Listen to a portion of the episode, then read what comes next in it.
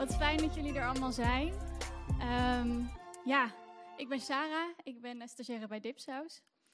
En uh, we zijn allemaal vandaag hier uh, bijeengekomen om twee dingen te vieren. Ten eerste dat het ongeveer vijf jaar geleden was dat Three Amazing Women, Ebise, Medium en uh, Anusha... Ja, ja, ja, ja. Die uh, hebben toen uh, Dipsaus podcast opgericht. En sindsdien hebben zij hele toffe sprekers aan tafel gehad. En toevallig is Quincy Gario was de tweede gast ooit. En um, ze hebben ook onder andere met uh, samenwerking met uitgeverij Pluim boeken uitgebracht. En dat valt vieren, dat gaan we vandaag vieren. En de tweede reden dat we vandaag hier zijn, is het jubilea van 10 jaar Zwarte Pieters racisme. Um, wat gaan we doen? We gaan aan de hand van een interviewmarathon met acht toffe gasten, gaan wij, uh, ja, die echt een sleutelfiguur hebben gespeeld uh, in de strijd tegen racisme de afgelopen tien jaar, gaan wij uh, ja, interviews houden, reflecteren. En ja, ik hoop dat jullie een fijne avond hebben. En dan geef ik het woord aan Quincy.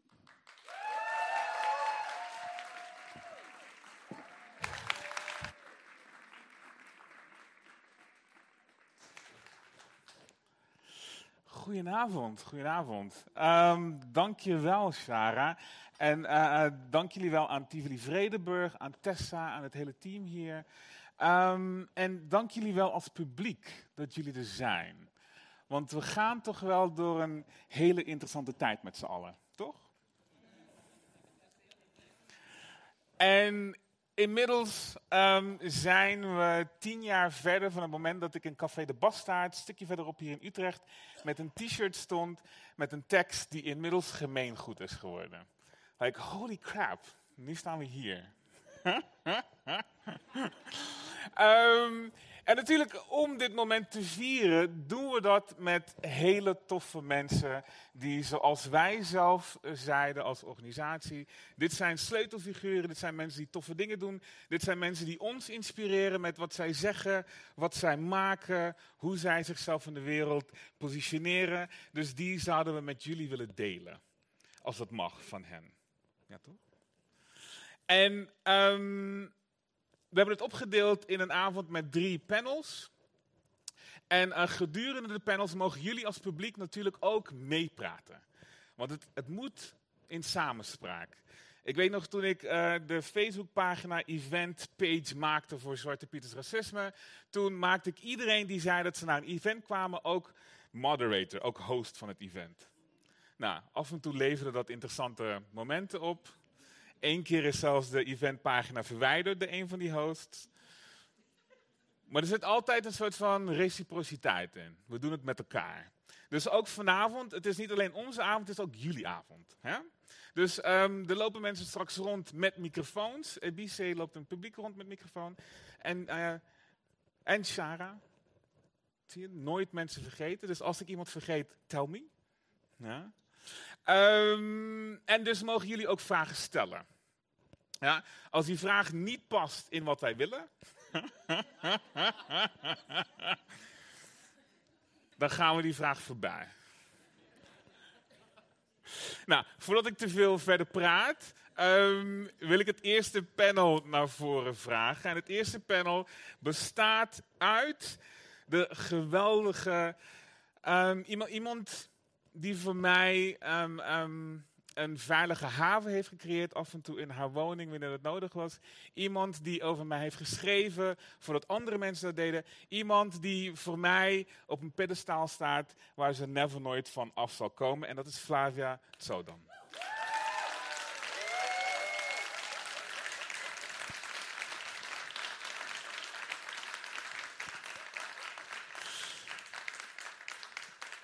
De volgende persoon in het panel, die, ik, ik had van hem gehoord voordat hij mij leerde kennen. Ik liep toen bij uh, het NINSE rond, Nationaal Instituut Nederlands Slavernij, Verleden en Erfenis. En die zeiden van, hé, hey, je moet even met die jongen praten, want ook hij is bezig met interessante dingen. Dit is 2009.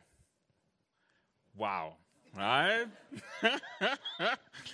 En inmiddels de eerste keer bij een publiek event ehm, waarbij ik het t-shirt op had, was bij het eerste event van de New Urban Collective bij de VU. Dat is Mitchell Esaias.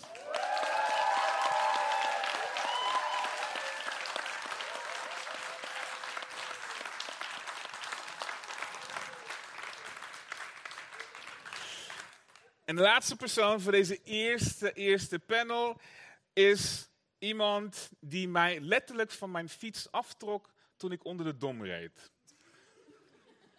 Ik, is true story. Ja, ja. En ehm, vervolgens zijn wij uh, dikke vrienden geworden, dikke maatjes. Um, zij heeft mij, het moment dat de winkel van Sinkel mij niet wilde hebben als spreker, heeft ze ervoor gevochten dat ik er wel stond in 2011. Um, zij heeft mij naast de voormalige burgemeester van Utrecht, Aleid Wolfsen, neergezet met een t-shirt Zwarte Piet racisme. Gewoon niet in your face, maar gewoon sneak ernaast. Nancy Jouwen.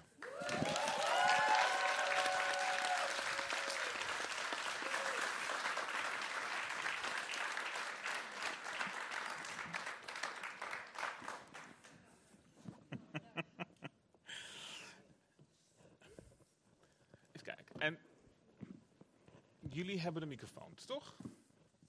Here you go. Um, zoals jullie horen van mijn introductie, ken ik ze vrij persoonlijk. Maar vanavond gaat het om hetgene wat wij met elkaar delen, met z'n drieën delen. En dat is eigenlijk een strijd voor gerechtigheid. Een strijd voor. Um, een strijd voor een Nederland dat voor ons allemaal werkt. Uh, Nancy, toen jij mij van, je, van mijn fiets aftrok, dacht je dat we ooit hier zouden zitten? Op deze manier? Waarschijnlijk wel, stiekem deep down. nou, het kwam omdat ik was uh, aan het. ik was met ehm, kunstenaar Michael Macmillan aan het praten. En volgens mij hadden we het gewoon over jou. En ehm, Michael had het over. Nou ja, veelbelovende jonge man, dit en dat. En ik wist ook dat je genderstudies studeerde en dat had ik ook gedaan. Um, nou ja, en vervolgens rijd jij gewoon langs. Dus, you know, it's kind of like... Ja, het moest zo zijn. Dus inderdaad, ik naar buiten rennen. En um, ja, dat, dat, dat, was onze eerste ontmoeting. Ik weet niet, was het 2009 of 2010? 2009, denk ik. Ja, denk het ook. En ja, um, ja dat. Ja. Um, dat we hier zouden gaan, nou, dat we, dat we elkaar nog steeds zouden zien, ja. Um, dat we die, dat proces van Zwarte Piet hebben doorgemaakt. Nou, ja, ik weet niet of, we dat, of ik dat, dat toen had verwacht. Nee, nee, nee. Um, Mitchell, jij hebt inmiddels veel verschillende demonstraties georganiseerd, bij gestaan. Um, jij hebt inmiddels ook heel veel traumatische ervaringen meegemaakt, waaronder het inslaan van de ruiten van je auto. Um, als we nu terugkijken op tien jaar van, van het, het voortzetten van de strijd die al bezig was, um, hoe, hoe kijk jij daarop terug en waar we nu staan? Goeie vraag.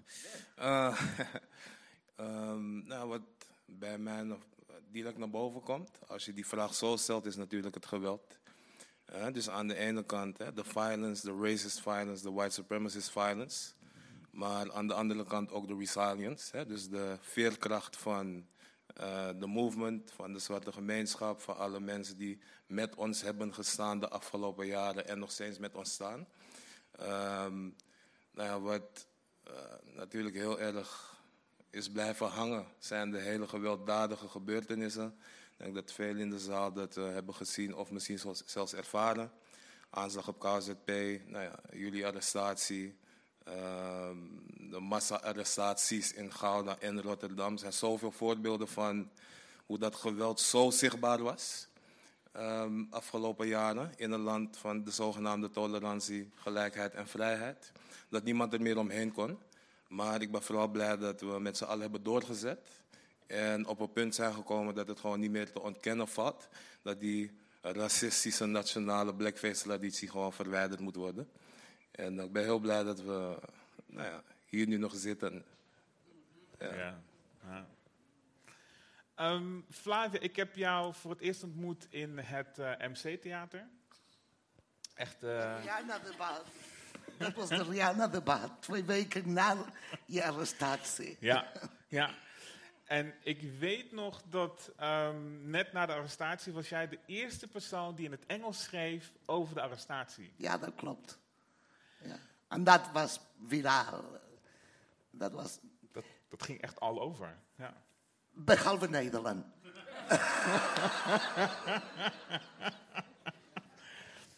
Ehm, als we terugkijken naar wat jij toen schreef en, en de manier waarop jij jezelf in het publiek debat neerzette, ehm, hoe denk je dat het publiek debat nu eigenlijk verder is ontwikkeld?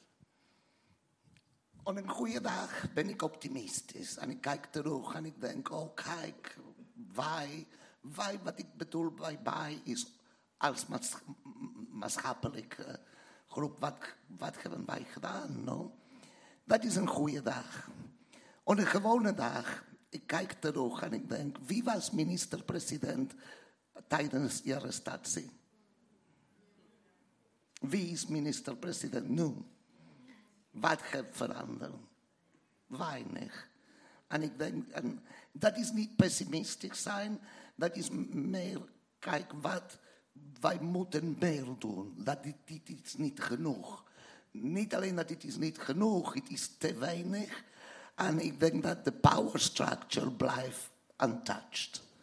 En dat is precies de werk voor de volgende generatie, voor de volgende ja, golf van antiracisme. En dat is niet alleen antiracisme, het is een intersectioneel strijd met klimaatverandering eh, en met armoede, eh, tegen armoede. Het is veel breder dan wat wij hebben tot nu gedaan, denk ik. Maar vergeet nooit dat Rutte blijft minister-president.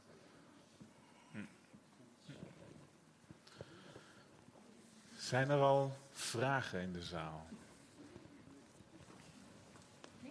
Kom op mensen. Niet bang zijn. Dan, dan wil ik nog een vraag stellen aan Mitchell. Ehm, inmiddels heeft de Black Archives een dependance in Amsterdam Zuidoost. Ehm zit het in Amsterdam Oost. Gaan jullie ook naar het oosten van het land? Gaan jullie. Wat is, wat is de volgende stap? Wauw, Oost, Oosten, dat is, eh, dat is ver. Nee, maar... Maar jullie hebben toch al in Arnhem Ja, ja een we, interventie we, we hebben wel wat dingen in Arnhem. Gedaan, zeker. Slottervaart, West. West, geboren getogen, Westside. Maar, ehm, nou ja, om, om daarop terug te komen, je introductie, dat we elkaar eh, ontmoeten voor dat, de, voor dat moment in 2011 waren. Jelly en jij gewelddadig werden gearresteerd. Eh, volgens mij kwamen we met elkaar in contact via de Black Europe Summer School. Ja, wat een van de weinige plekken is waar je echt eh, zwarte perspectieven eh, kan leren op academisch niveau binnen Nederland. En het volgende moment was inderdaad de VU. Ik moet toch even die anekdote vertellen als hij ermee begon. Dat wij, New Urban Collective, ook dit jaar, tien jaar geleden is begonnen. Ja. En ons allereerste event. Ja, dat wel. Extra feest, extra feest. Ons allereerste event was in juni 2011. 11 juni om precies te zijn. En dat zou gaan over ondernemerschap, persoonlijke ontwikkeling. We waren nog best wel een beetje neoliberaal, maar goed. Ehm, I, I was just gonna say. en toen kwam, toen kwam Quincy opeens met zijn t-shirt, Zwarte Pieters racisme. En ik dacht van, eh, bro, jij toch... ik, ik support de movement, maar is dit het moment?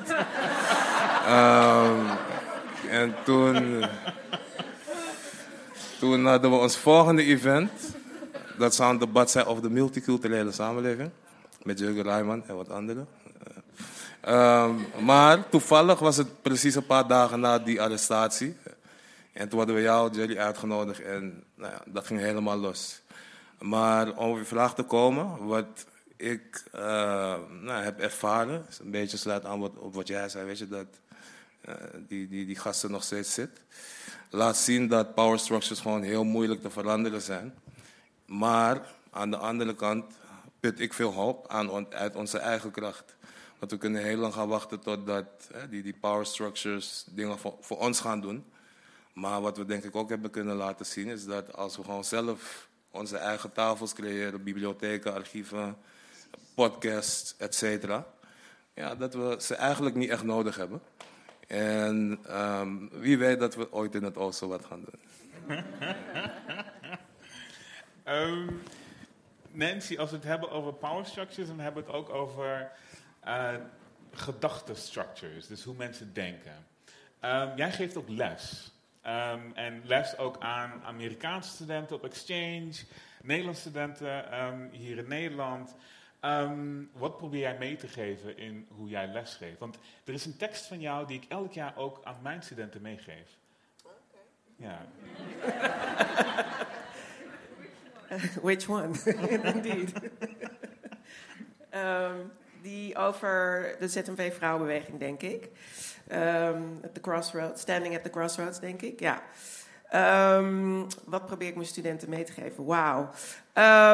nou, ik richt me altijd heel erg op onzichtbare geschiedenis. Ik, we markeren tien jaar, vijf jaar. Het is deze maand ook tien jaar geleden dat we um, een, de slavernijwandeling hier in Utrecht hebben gelanceerd. Um, en uh, wat ik ook vaak met uh, Tori Osso Utrecht uh, samen doe. Ik zie Natalia Maknak in de zaal zitten. Dus even shout-out naar Natalia. Die trouwens heel belangrijk werk ook hier lokaal doet. Maar um, even kijken, wat, wat, probeer ik mee te geven? Nou ja, dus die onzichtbare geschiedenis is, is, is heel belangrijk. Um, um, dingen die niet relevant lijken, relevant maken. De stemmen van zwarte vrouwen uh, centraal stellen. Um, en dat, die Amerikaanse studenten waar je het over hebt, dat is wel grappig. Of nou, het is helemaal niet grappig. Maar die uh, vroegen dus heel erg om een vak uh, over race in the Netherlands. Want ja, nou, de Amerikanen hebben het altijd over race. Hoe zit dat? Nou, dan komen ze drie maanden hierheen. What about race here? En um, dat is een uitwisselingsprogramma dat is geleerd aan de UvA de grootste universiteit van Nederland, right? And they don't have a course dat gaat over ras in Nederland. Dus heb ik dat opgezet voor hen. En um, ja, dat, is altijd, dat zijn altijd hele volle um, klassen, zeg maar. Um, en het is heerlijk, ik moet zeggen, het is heerlijk om met Amerikaanse studenten daarover te praten, because they get it. You know, they, en en met, met Nederlandse studenten begin je echt op een ander niveau. Ik breng ze trouwens altijd naar Mitchell toe. In de Black Archives, of course. En dat, dat is echt altijd een highlight uh, voor hen. Um, en wat je ook neerzet, nou, is, uh, Black-owned building, heel belangrijk. Um, uh, om, omdat die Amerikaanse studenten ook wel meteen zien: wow, uh, ze komen binnen met een rosy idea. Like, oh my god. Mm, yeah. We, zijn nu in um, liberal heaven. En dan moet je ze even, ja, even weer bij, naar de grond trekken. En, en dat, dat vind ik eigenlijk heel leuk, stiekem. Um, um, nou ja, goed, dat een beetje. uh, en, en ik geef hier trouwens ook les aan de HKU. Um, shout-out naar Annette Kraus, yes. die de coördinator is van... Um, ja, shout-out naar Annette Kraus. You don't know her. Annette is een, voor jou ook een inspiratiebron geweest, right? Ja, um, Annette en Petra. Annette, Annette en Petra Bauer, die uh, Reading the Masks uh, Tradition is Not Given... een anti-zwarte Piet kunstproject opzetten in het Van Abbe Museum. Afijn, zij zit daar en daarom zit ik daar. Zo gaan die dingen. Uh, Flavia kan erover meepraten. Die zit op Rietveld Zandberg en die trekt allemaal gave mensen dan daar naartoe. Ook een very white space. Dus ik, ik ben me er ook heel erg van bewust dat ik een, een docent van kleur ben. Ik, sorry, ik ben heel lang bezig. Maar ik, ik, um, ik heb alleen maar witte docenten ook gehad. Hè. En de laatste maanden kwam Gloria Wekker. Uh, naar, de, naar de Universiteit Utrecht. En we, we hebben elkaar echt weet je wel, omarmd van... Oh, I was her first black student, she was my first, first black lecturer. Ik werd meteen haar studentassistent. We zijn altijd, eh, nou ja, we hebben elkaar nooit losgelaten, zeg maar.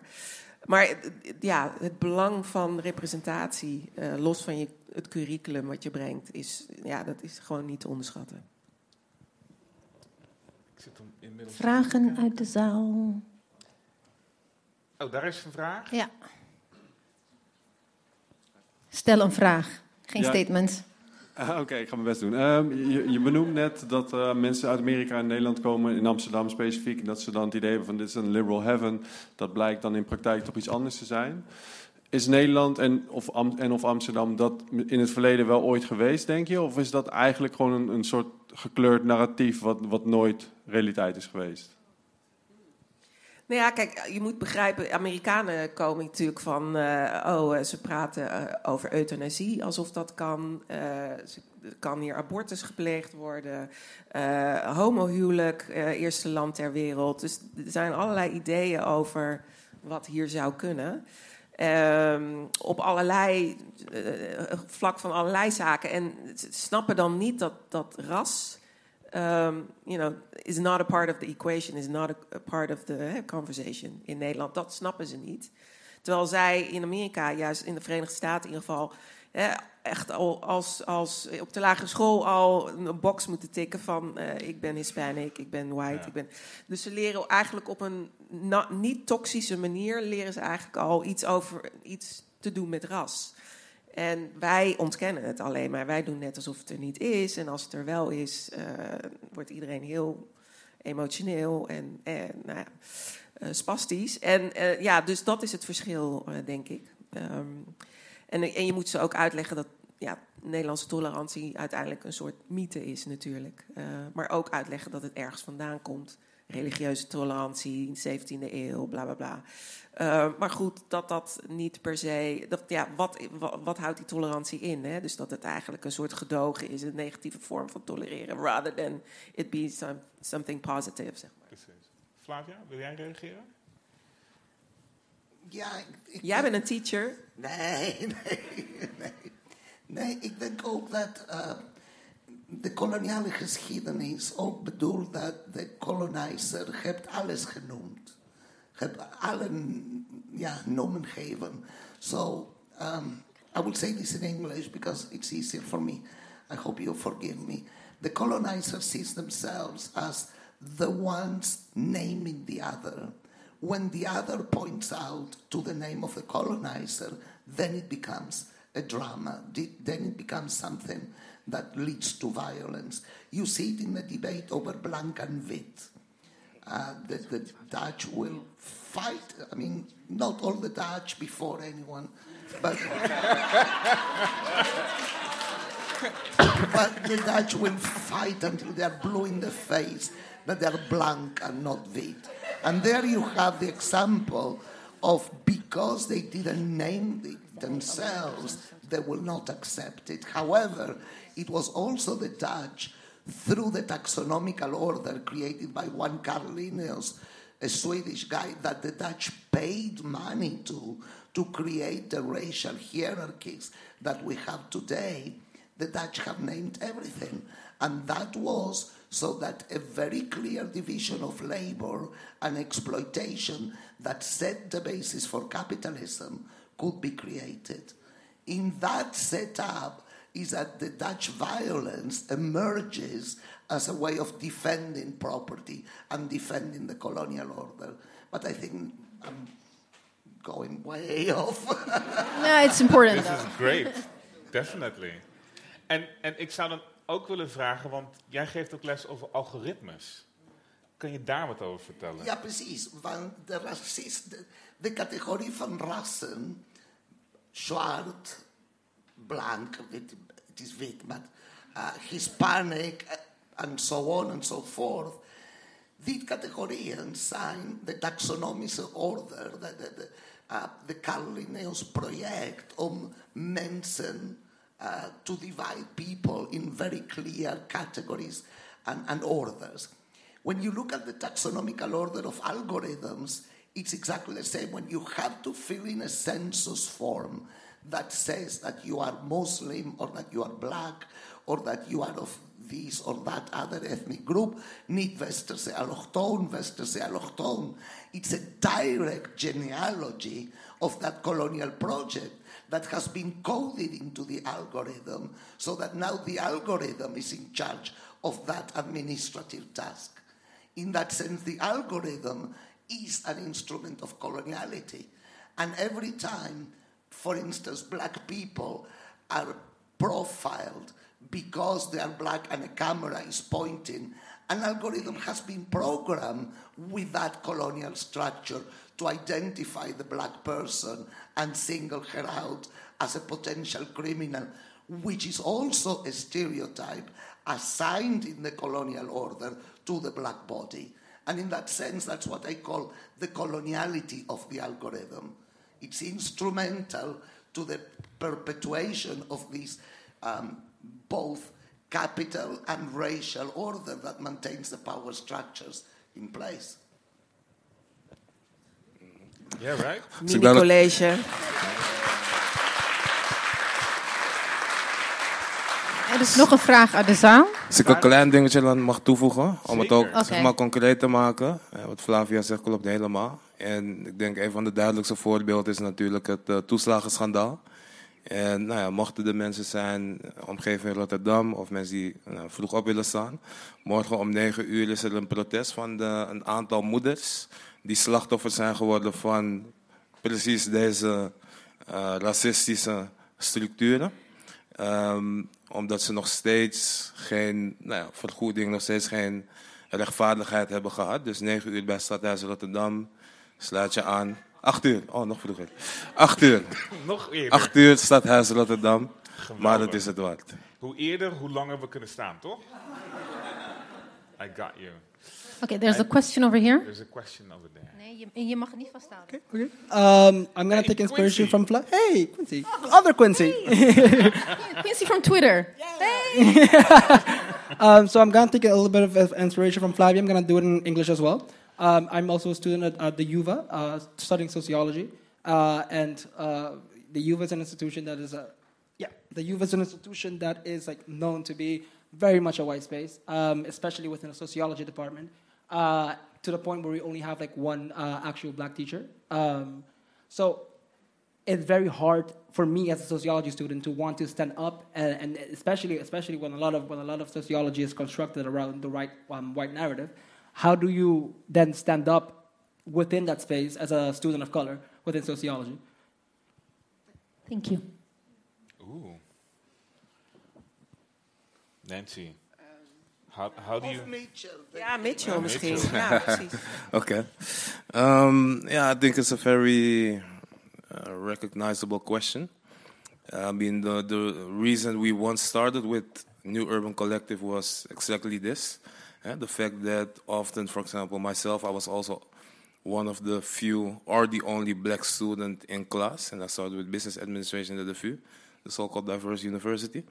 Um, and in the six or seven years that I studied, I literally had one guest lecturer who was black, Franco Guadalupe, for one time. Um, Shout out Francio. yeah. And um, so, yeah, what, what we tried to do was to bring the few black and POC students together in this collective. Because if you're the only one, it can be very exhausting, tiring, intimidating. But when you know you're not alone, you know, it changes things. So I think it's always good to, uh, you know, seek support. Uh, we actually are looking at ways to go back to the campus, to go back to the university as, uh, as a collective. Because we know, unfortunately, 10 years later, not much has changed. uh, because, you know, these power structures stay the same. Um, so, yeah, maybe we can get in touch after the event. Um, I, I want to give a shout out to a project by uh, Guillaume Goedhoop right now that you can see at the VU, which is on uh, decol- decolonizing spaces. Yeah. So this stuff is changing. Stuff is A little bit. a little bit. I think we, we need to wrap, Wrap up. up. But uh, There there's one one question, question. over there, and I also have a question. Ik heb ook een vraag. Sorry, ik spreek niet. Dipsaus Engels. Hello. Uh, ik heb een Wij vraag. spreken alle talen. ik spreek Amharic kan ook, Afano Romo.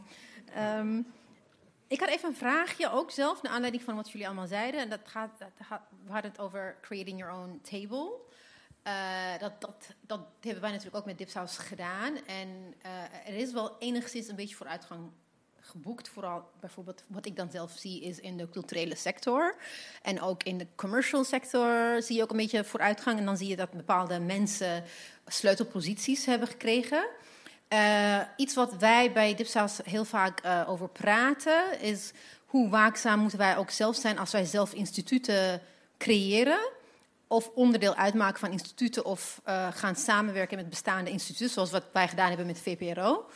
Uh, hoe gaan wij ervoor zorgen dat wij niet dezelfde machtsstructuren en power structures reproduceren? Dat wij ook aan gatekeeping doen, dat wij ook uh, dat uitsluit in een uitsluiting uh, zonder het, how do you say, we don't do it on purpose, but kind of like het sluipt in hoe kunnen we dat, hoe kunnen we waakzaam zijn? Dat is een vraag aan jullie allen. Oef. Ja, volgens mij heel simpel. Er, er, is altijd gatekeeping, maar je kunt het op een positieve en op een negatieve manier doen. Dat denk ik altijd. Ik bedoel, je moet je, moet je ook bewust zijn dat je een machtspositie hebt. Hmm. En daar moet je ook verder niet over koketteren. Het is gewoon zo. Sowieso. Um, maar ik denk, ja, elkaar checken, maar je er heel bewust van zijn dat het zo werkt, is denk ik key hier. Ik denk dat dat het simpele antwoord is. Maar wat denken jullie? Ik sluit me daarbij aan en ik denk gewoon altijd uh, proberen enigszins humble te blijven en open te blijven staan voor kritiek. Je bewust zijn dat we allemaal uh, nou ja, leven en worden beïnvloed door witte suprematie, seksisme, patriarchy en al die andere structuren van onderdrukking. En dat je daar niet vrij, nou, moeilijk is om je helemaal vrij daarvan te maken. Dus constante zelfreflectie, open blijven staan voor kritiek. En uh, ja, op die manier blijven voortbewegen. En nu ik toch de mic heb, wil ik toch enkele dingetjes zeggen. uh, want uh, we vieren vandaag tien jaar Zwarte Pieters racisme. Vanuit Black Archives uh, zijn we van plan om een expositie daarover te maken. En wat we willen doen is een oproep aan mensen die of racistische objecten, artefacten hebben die nou, die geschiedenis van de racistische karikaturen reflecteren. Maar ook juist het verzet ertegen. Uh, zoals de foto's hierachter van Lulu hadden, Zwarte Piet Zwart Verdriet. Dus mocht je interessante dingen hebben, let us know. Wat is de datum? Uh, ergens in februari okay. volgend jaar. Dus dat. En Flavia? Ik denk dat binnen kapitalisme je moet heel bewust zijn aan of de ja, permanent uh, ja, de concurrentiemodel. En je moet een gebrek aan de concurrentiemodel doen. En meer samenwerken en minder concurrentie. En dan je kan misschien deuren openen voor andere mensen. Dan je ziet de mensen niet als concurrentie, maar als potential, potential collaborators. Dat er eigenlijk gewoon ruimte is voor meer. Precies. Dat je niet enig bent, ja.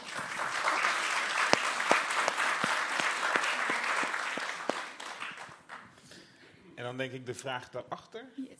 Ja, uh, Flavia had net iets over gezegd, dus ik ben benieuwd wat de rest van de sprekers, oh, wat de rest van de sprekers daarover vinden.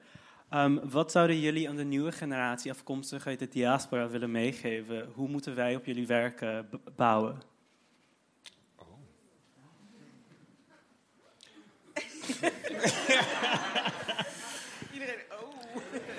Nou, ik, ik hoor de laatste tijd heel veel over. Uh, wat, wat, wat, ik heel vaak um, hoor, is dat, dat mensen het lastig vinden. Mijn eigen studenten zeggen dat bijvoorbeeld.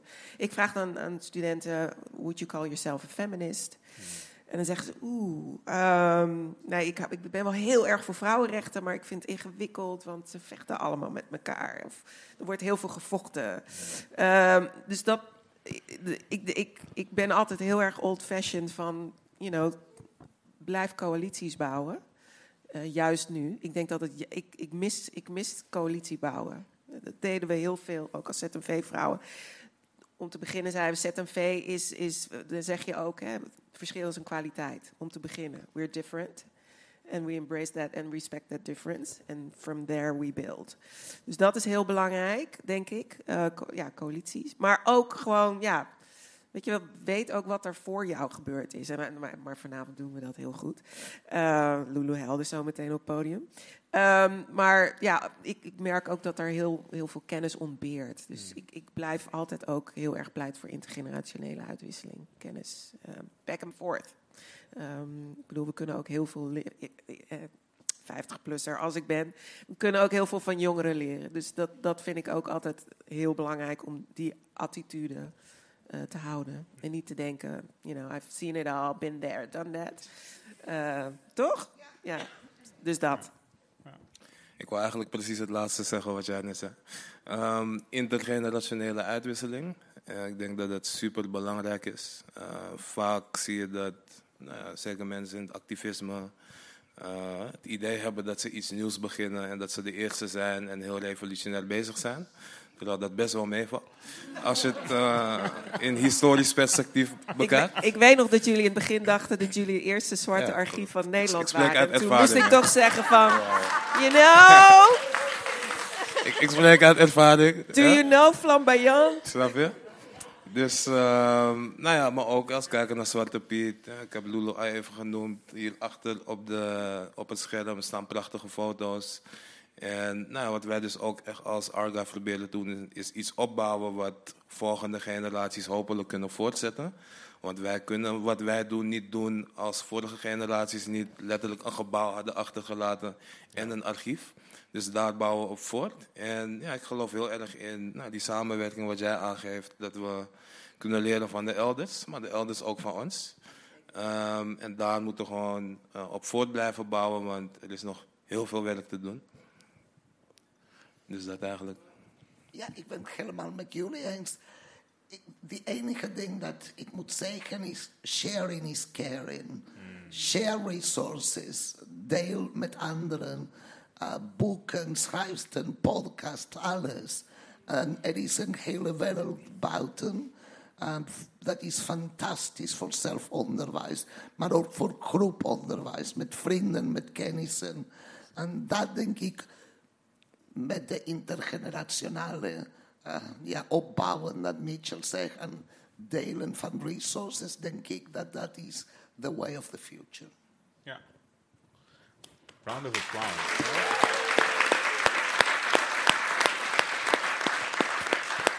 En um, als we het hebben over delen van resources, gaat het ook over delen van kennis. En volgens mij hebben jullie het al gezien, want hiernaast is een hele geweldige boekentafel. Ja, toch? Van, van Savannah Bay. Ja. En met daarop de verschillende boeken die ook uitgegeven zijn door Dipsaus. Ja, hey. En dus uh, terwijl wij hier dan ook soort van tien jaar uh, uh, Zwarte Piet racisme vieren, is er ook gewoon bij Savannah Bay iemand die 30 jaar bij Savannah B werkt. Dus Mariska, 30 jaar. Geweldig. Um, ik wil de panel bedanken. Um, dank jullie wel voor het delen. Um, give them a round of applause.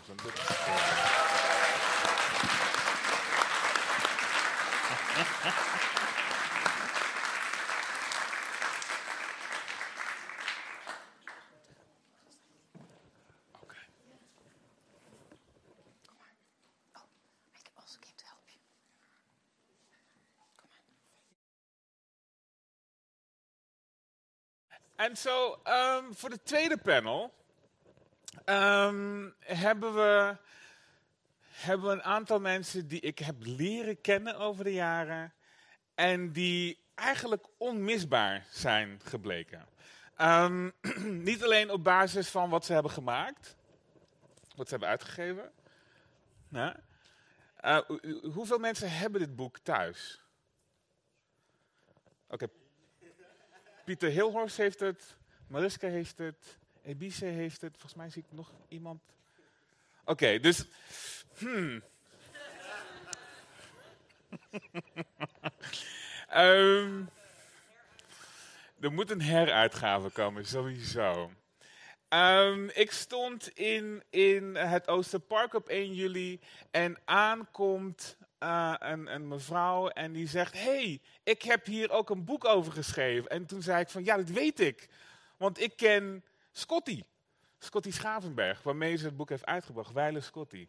Um, Lulu Helder, dank je wel dat je vanavond mee wilt doen met de panel. Kom maar naar boven.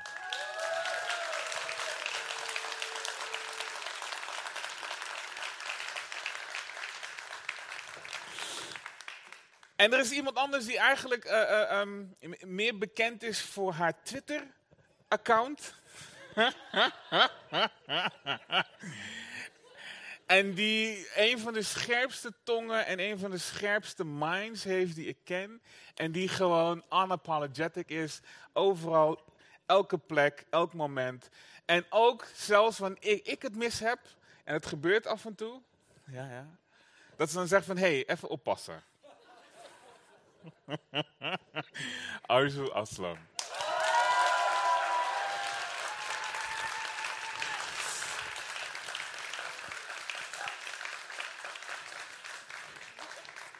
Ja, kom hier. Ehm, Lulu, ehm, ik weet nog dat heel veel mensen die, die vertelden mij in eerste instantie van... Ja, ik heb je bij Paul Witteman gezien en dat heeft zoveel voor mij betekend. Maar ik zat terug te kijken en jij was bij Sonja Barend. Eh, ja, klopt. Eh, maar het, allereerste interview wat ik heb gegeven ehm, was aan AT5. En ja, talking about passing it on. Ehm, ik kreeg dat interview eigenlijk dankzij Henry Dors. Ehm, en hij was uitgenodigd bij AT5 om over Zwarte Piet te spreken.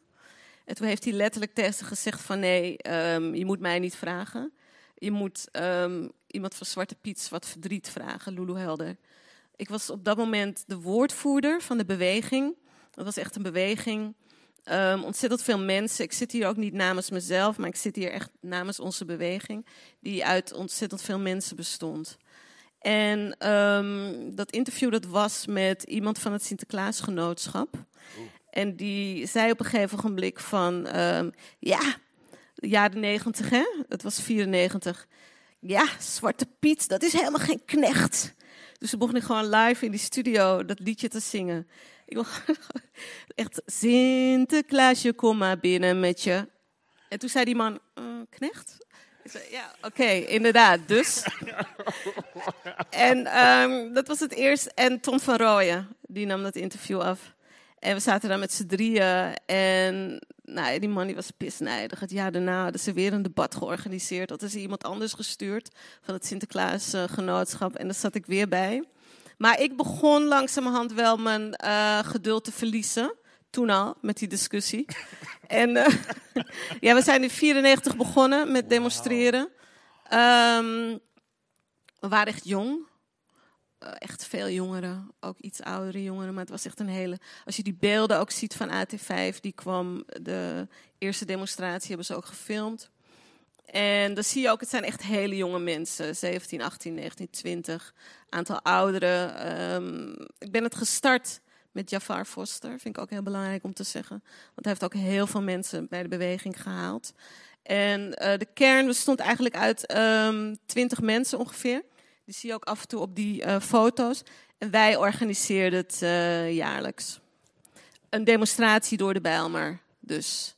En het eerste jaar ook in de binnenstad. En eh, in de Bijlmer werden we nooit...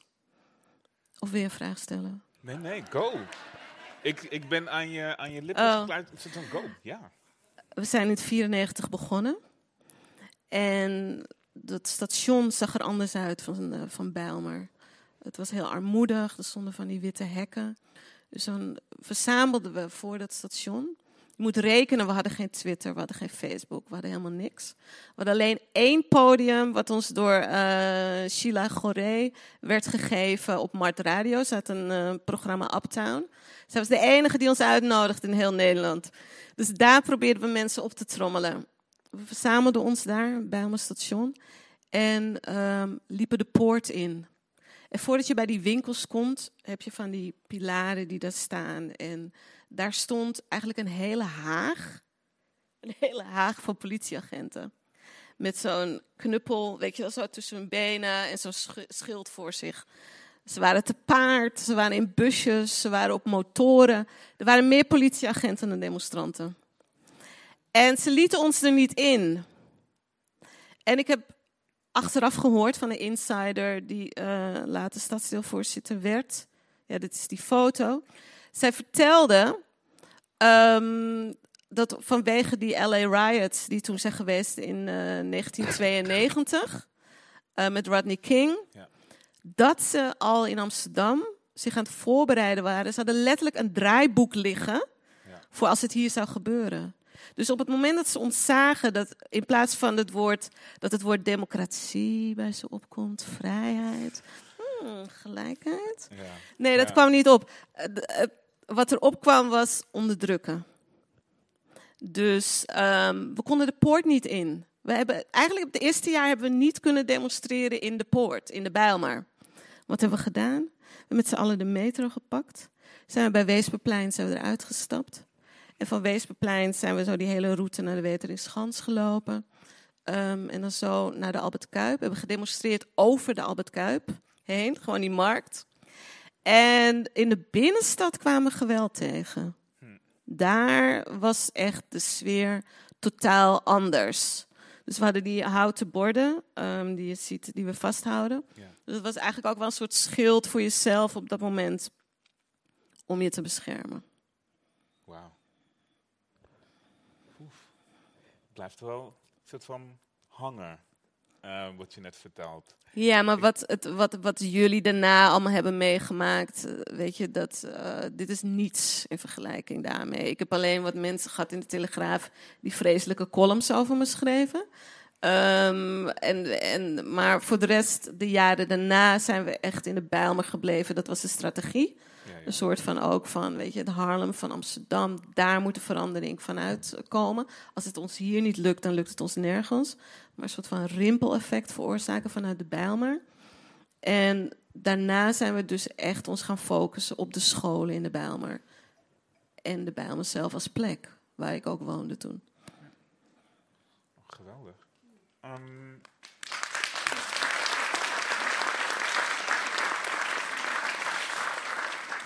als, als je dit zo hoort, ehm, dan moet ik ook, dan moet ik ook eigenlijk denken aan het feit dat jij jouw strijd ook altijd linkt aan de eerdere movements die geweest zijn.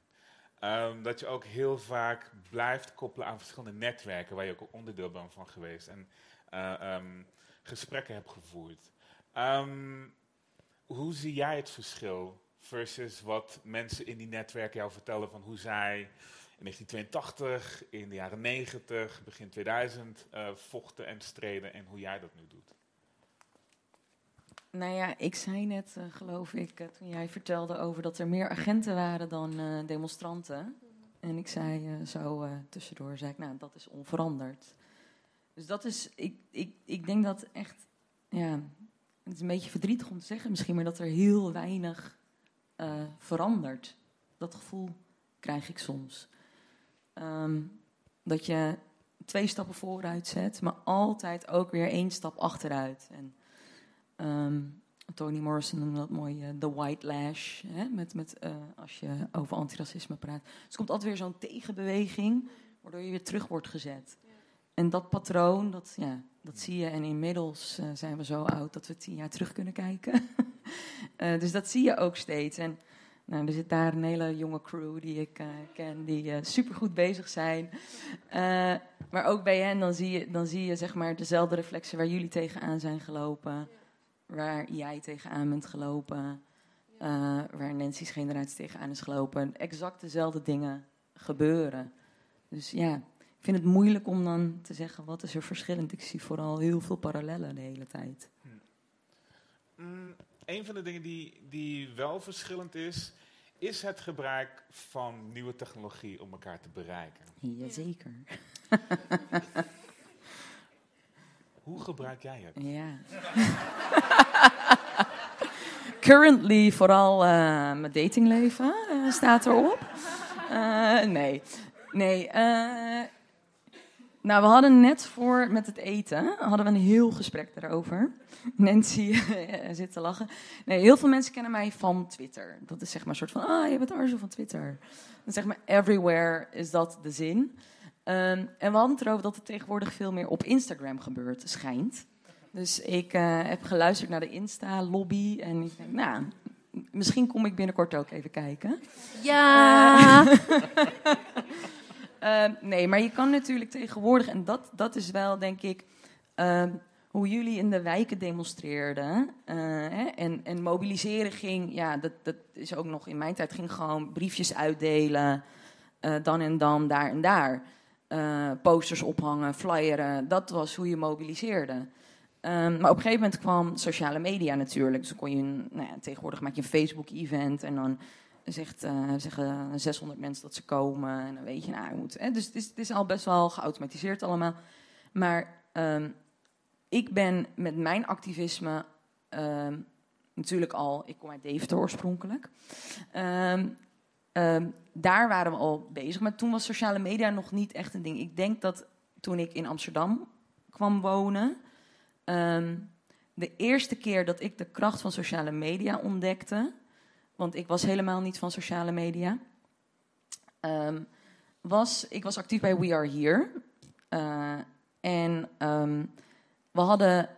Ik, daar was ik heel lang heel actief zonder dat ik een sociale media account had. Je moet even vertellen wie We Are Here Ja, is. eh, s- eh, We Are Here is een, eh, een groep aan ongedocumenteerde vluchtelingen die in Amsterdam eh, het schoolplein van mijn oude school hebben bezet, een tentenkamp hebben opgezet. Woe! Yes, shout out to We Are Here.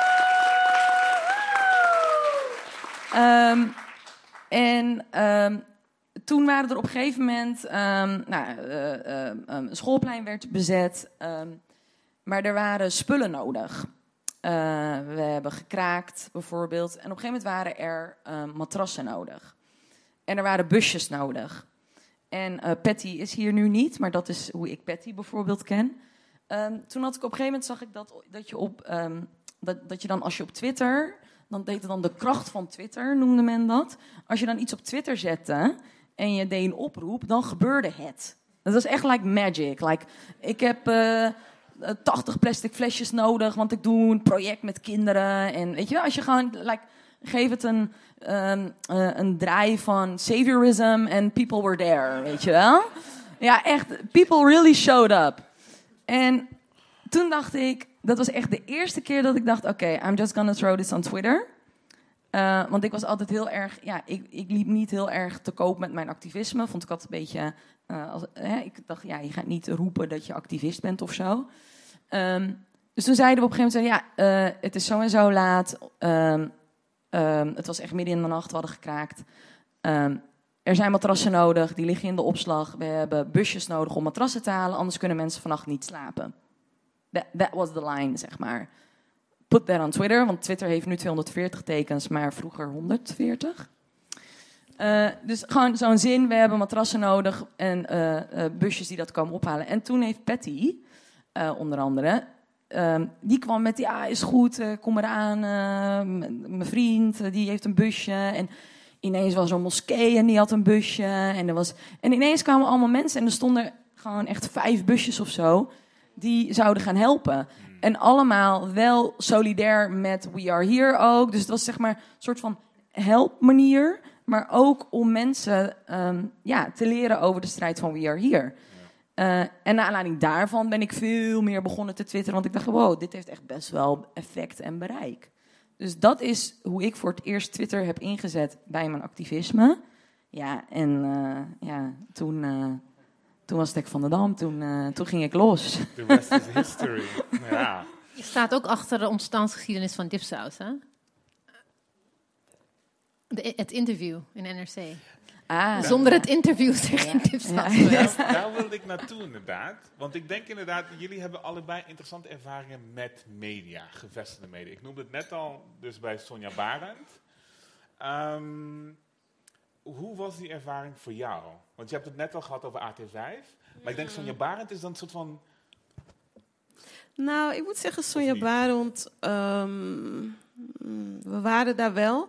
Maar we kregen niet echt een stem hoor. Er werd voornamelijk een Surinaamse docent aan het woord gelaten. Die pro-Zwarte Piet was. En zij kreeg enorme lange monologen. Als je terugkijkt ook. Het sloeg helemaal nergens op. Maar we waren uitgenodigd omdat het was 1997 inmiddels. We hadden een paar jaar druk uitgeoefend op basisscholen om het feest te veranderen. En in 1997 kregen we eindelijk het bestuur van basisscholen aan onze kant in Zuidoost. Dus zijn een persbericht de wereld eh ingedaan dat die scholen dat feest moesten aanpassen.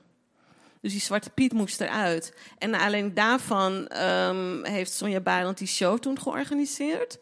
En heeft ze ons ook uitgenodigd. Maar eh, ja, het is gewoon jammer met dit soort dingen. Je, je, wordt wel uitgenodigd, dus formeel klopt het allemaal. Maar je komt niet echt aan het woord. Dus die vrouw die was voornamelijk aan het woord. Later, eh, toen we dat boek publiceerden, Sinterklaasje, kom maar binnen zonder knecht. Wat helaas de meeste mensen niet kennen. Het is ehm, niet meer verkrijgbaar. Eh, het is wel via Google Books is het nog verkrijgbaar. En er staan hele prominente wetenschappers in. Weet je, wij waren studenten, maar we wilden het op een andere manier aanpakken, een andere strategie dan ieder jaar uh, de straat op gaan. We dachten van, oké, we zagen onvoldoende verandering. Dus dan moet je gaan nadenken van, oké, wat gaan we nu doen? Wat wordt onze volgende stap? Dus um, als meer kennis verspreid wordt over die um, raciale categorieën bijvoorbeeld, daar heb ik een hoofdstuk over geschreven voor het boek dat je de relatie eigenlijk ziet tussen de geschiedenis, die geschiedenis van geweld, van slavernij en uh, kolonialisme. En hoe dat eigenlijk doorwerkt in de huidige sociale orde, economische orde, maar ook politieke orde. Als je die relatie ziet, wat ook in de naam zit, Zwarte Piet is zwart verdriet, um, dat je dan beter beseft um, waar die strijd vandaan komt. Hè? Dat mensen willen gezien worden, net zoals iedereen, als waardevol, als waardig. En niet, um, ik vind bijna een soort sociale dood eigenlijk om mensen zoals karikatuur neer te zetten. Dezelfde sociale dood die ook beoogd werd tijdens de slavernij door mensen um, te verbieden om te leren lezen, te verbieden om hun eigen taal te spreken. Um, en mensen op die manier eigenlijk een stem te ontnemen ze niet te zien, hun bestaan niet te erkennen. Um, dus toen, toen hebben we dat boek hebben, hebben gepubliceerd. Toen zijn we uitgenodigd opnieuw hè, door Sonja Barend. Nou, ik denk dat ze inmiddels het boek had gelezen of haar redactie. En de uitnodiging werd ingetrokken. We werden uitgenodigd door Waskracht, VPRO. Boek opgestuurd, boek was inmiddels kennelijk gelezen. Uitnodiging werd ingetrokken. We werden uitgenodigd door het enige blad wat voor zwarte Nederlanders was gemaakt. Dat stelde ze tenminste. Roof. Ik weet niet of de ouderen dat nog onder ons kennen. Dat was een blad voor, voor zwarte Nederlanders. Zo profileerden die mensen zich. Uh, we werden uitgenodigd voor een interview. Het is nooit gepubliceerd. En dat vind ik wel van gatekeepers.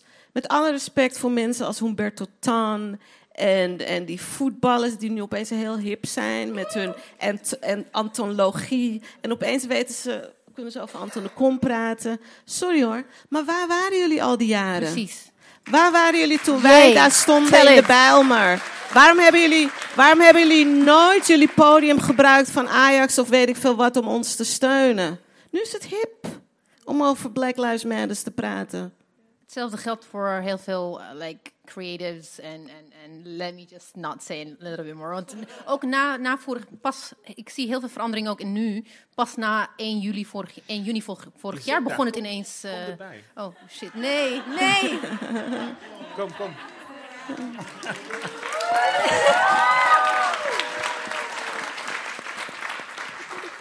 Het is niet de bedoeling.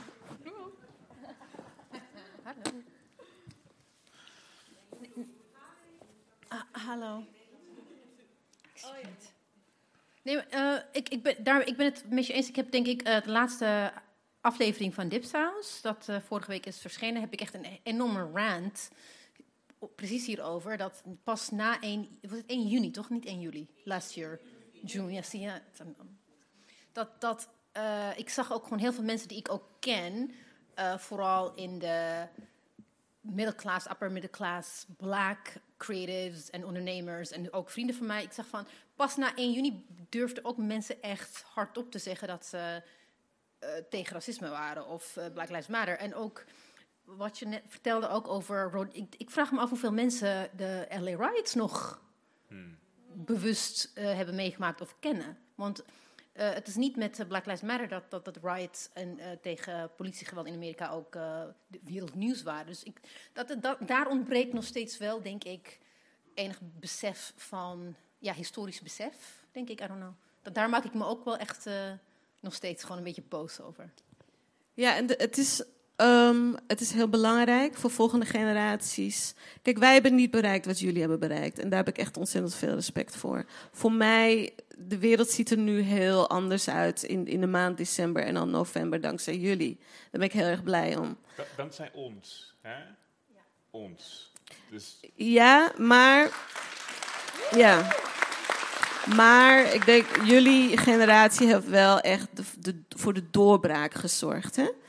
Ehm, maar wat belangrijk is, is dat eh, huidige generaties kunnen terugkijken op vorige generaties. Dat die nooit hebben gesteld dat het normaal is. Dat er altijd mensen zijn geweest die hebben gezegd, ook in de jaren 60, ook in de jaren 50, ook in de jaren 30. Er zijn altijd mensen geweest die hebben gezegd, wat hier gebeurt is niet normaal. En dat is heel belangrijk, want wat je nu ziet in het debat over slavernij. Ik las laatst weer een interview. Nee, een stuk. Het was een stuk over, eh, van Philip Dreugen, ging over slavernij. En daar werd in gesteld van ja, nou ja, eh, in die tijd vond slavernij, vond iedereen slavernij normaal. Maar die contextualisering die is vals. Er waren toen al mensen als Frederick Douglass, eh, later Anton de Kom, Harriet Jacobs, Incidents in the Life of a Slave Girl, Booker T. Washington, die het absoluut afwezen, die zich uitspraken. Sojourner Truth, Ain't I a Woman.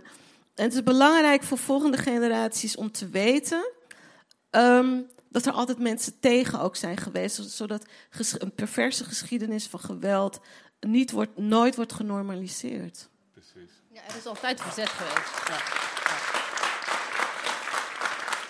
En als we het over verzet hebben tegen frames die mensen opgooien. Ehm, je refereerde er net al naar. Het interview in de NRC. En ik, ik weet niet hoeveel mensen dat nog herinneren. Dit is 2016? 15.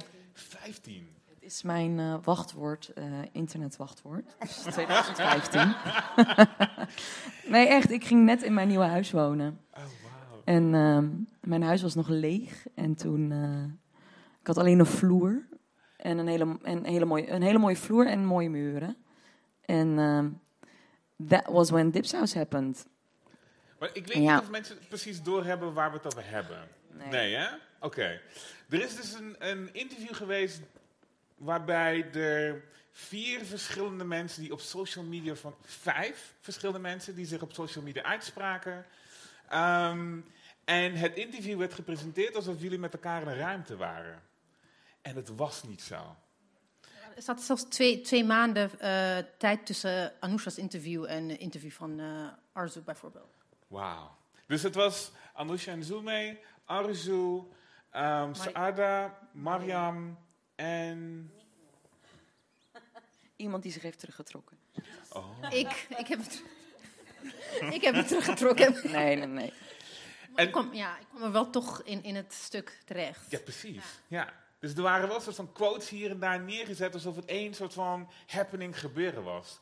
En jullie hebben daar verzet tegen gepleegd. Ik noem het maar verzet. Eh, want dat vond ik het toen de tijd, want jullie hebben klachten ingediend ertegen. Kun je niet vertellen hoe dat, hoe dat ging? Ehm, nou, wat je net zei, wij waren gewoon zeg maar soort van allemaal mensen op Twitter die iets zeiden over seksisme, racisme. Like, ik denk dat de helft van de zaal die hier zit eh, deed dat. Eh, en toen was er een eh, journalist, Bas Blokker, Van NRC. shout out to Bibi, die, ja, we haten hem, maar we doen, we doen altijd alsof we van hem houden omdat hij ons bij elkaar Ha- heeft haat gebracht. is een heel sterk woord. Haat is een heel sterk woord. Ehm, maar ehm, hij had dan zeg maar gezien welke mensen dat dan zo'n beetje waren. En toen dacht hij, ah ja, die moet ik hebben en die moet ik vragen en die moet ik vragen. En dan ging hij via de een dan ook vragen, ken jij dan nog iemand? Of dan zeiden ze, ja, ik durf die niet te benaderen. Kan jij dan voor mij, want jullie zijn vriendinnen, zeg maar. Zo, zo had hij een soort van clubje vrouwen verzameld. Ehm, die online op Twitter iets zeiden tegen racisme. En hij koppelde het aan Black Twitter. Want dat was helemaal in het begin, zeg maar, was dat echt a thing, Black Twitter. En dat kwam in, dat gebeurde in Amerika. En dat wel, er was heel veel humor, heel veel grapjes, heel veel filmpjes. En ook heel veel antiracisme. En eh, zo benaderde hij ons ook. Een soort van verlengstuk van Black Twitter. En wij waren allemaal zo van, ja, maar dat is niet zeg maar happening in Nederland. Like, eh, wat we net zeiden, gesprekken over eh, racisme zijn niet eens een ding in Nederland. Eh, dus, maar goed, hij heeft dat er dus toch boven gezet. Wij zijn eh, bij elkaar gebracht in dat interview alsof we inderdaad bij elkaar waren, wat helemaal niet zo was. Ehm, citaten zijn in elkaar gevlochten. ehm, die helemaal niet bij elkaar hoorden, waardoor het leek alsof we op elkaar reageerden. Dus als we het hebben over framing, inderdaad, ehm, waar jij ook, nou ja, stelselmatig mee te maken hebt gehad, eh, dat was echt best wel heftig in dat stuk. Ehm, en ehm, toen konden wij een aantal dingen aantonen. Want ehm, eh, ik, ja, we zijn nogal van de receipts. Hè? Eh, dus ik had wat screenshots van: ik heb gezegd dat je dit eruit moet halen. Ik heb gezegd dat je dat eruit moet halen. En he didn't. Dus ja, toen had Bas Blokker een probleem.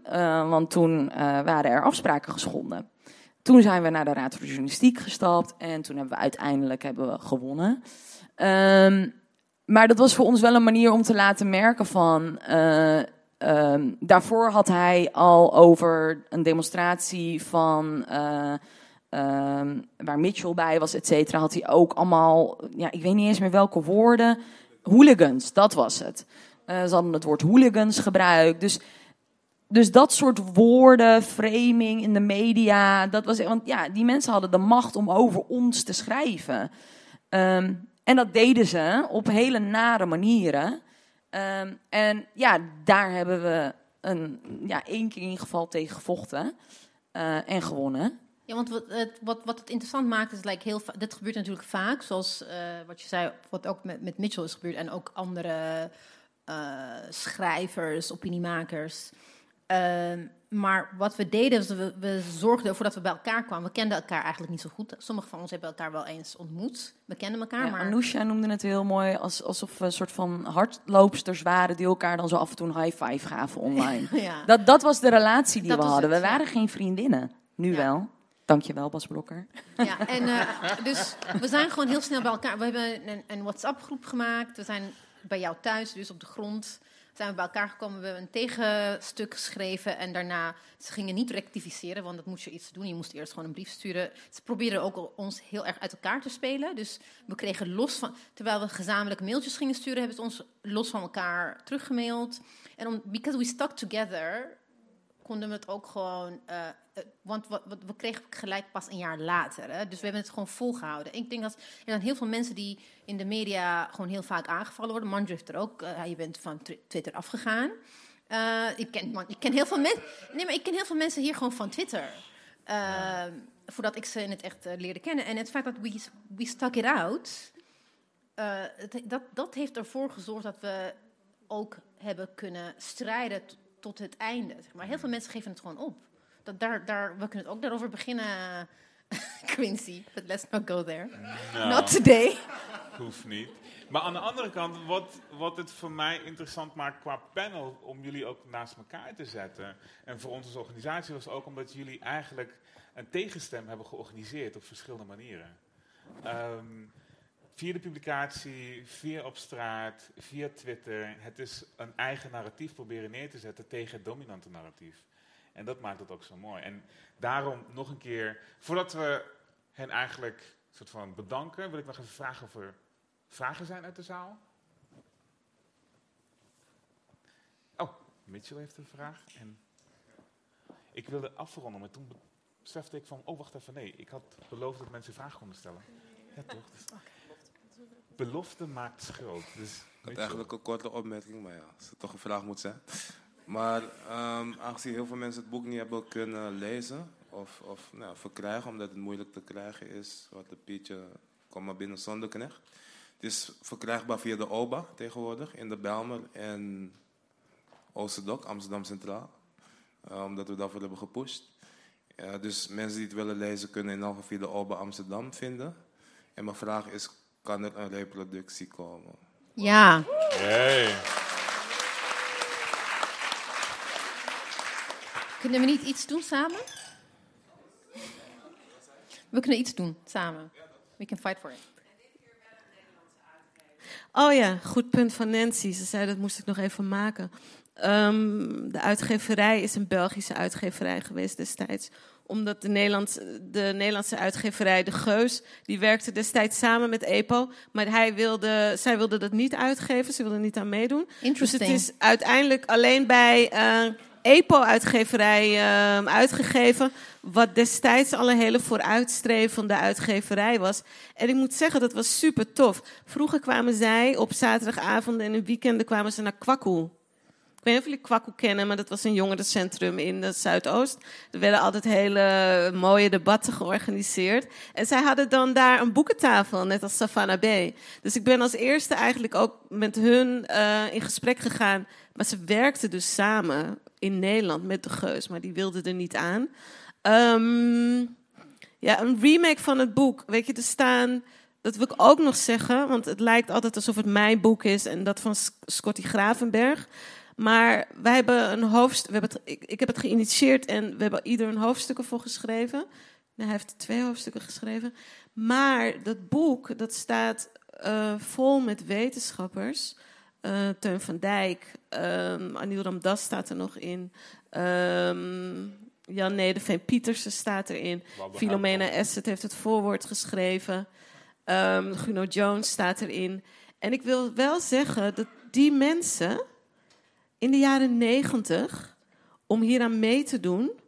en ze werkten allemaal ook, veel werkten binnen de academie al... die hebben enorm hun nek uitgestoken, hè? En we waren studenten. Ik bedoel, wie waren wij? Begrijp je? We waren geen gerenommeerde namen, dat ben ik nog steeds niet. Maar ik bedoel, weet je, het was niet zo van, dat ze het- zo van een statusproject of zo. Dus ik ben hun ook echt eh, ontzettend dankbaar dat ze ons destijds gesteund hebben. Dat ze erin geloofden. En dat ze ook binnen hun eigen beroep altijd hebben geprobeerd om verandering teweeg te brengen. Net als de ZMV-beweging. Net als vrouwen als Troetje Loewenthal. Die ik gewoon te weinig daarna heb teruggezien eh, binnen de academie. Want jullie hadden het er net over witte curricula en witte docententeams. Maar ik vind het wel echt schrijnend dat als ik lees hoe ehm, de ZMV-beweging eigenlijk voorop liep. Hè, met intersectioneel denken, Ja. met uitsluiting, met inclusie, met diversiteitsdenken. Dat zij er al zo vroeg bij waren. Maar ik zie niet de titel professor voor hun namen. Het zijn andere mensen waarvan ik les heb gehad, Universiteit Utrecht, die heb ik laatst nog even gegoogeld.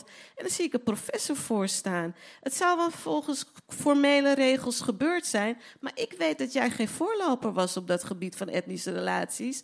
Ik weet dat iemand als ehm ehm Godinchan, waar ook nu professor voor zijn naam staat, dat hij zei in de jaren negentig dat Zwarte Piet maar vervangen moet worden door zwarte vrouwen in bikinis. En nou staat wel voor zijn naam professor in dit en dat en zus en zo. Dan denk ik, waarom niet die vrouwen uit de ZMV-beweging? Dus daar ben ik nog wel in retrospect pist over. En dat is ook wel een van de Heel zaken goed. waar ik. Dat is wel een van de zaken als ik naar mijn eigen leven kijk, nu ik wat ouder word. Dat ik daar spijt van heb. Dat, ik- dat we gewoon niet letterlijk die uithof bezet hebben. Zoals het Maagdenhuis bezet eh, werd. Om een betere positie te eisen. Voor die vrouwen in de ZMV-beweging. Want ze verdienden beter. Filomena Esset verdiende beter. Gloria Wekker had al lang.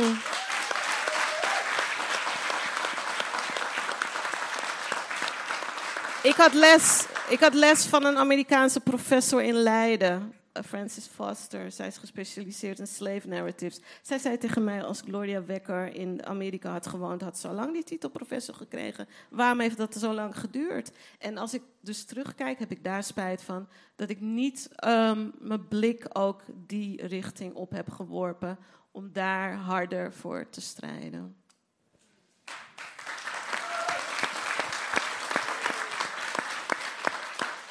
Ehm, jullie strijden best wel hard. Dus eh, ik zou zeggen, eh, dank jullie wel voor de strijd die al geleverd is, de strijd die nog geleverd wordt en de strijd die geleverd zal worden. Give them a round of applause.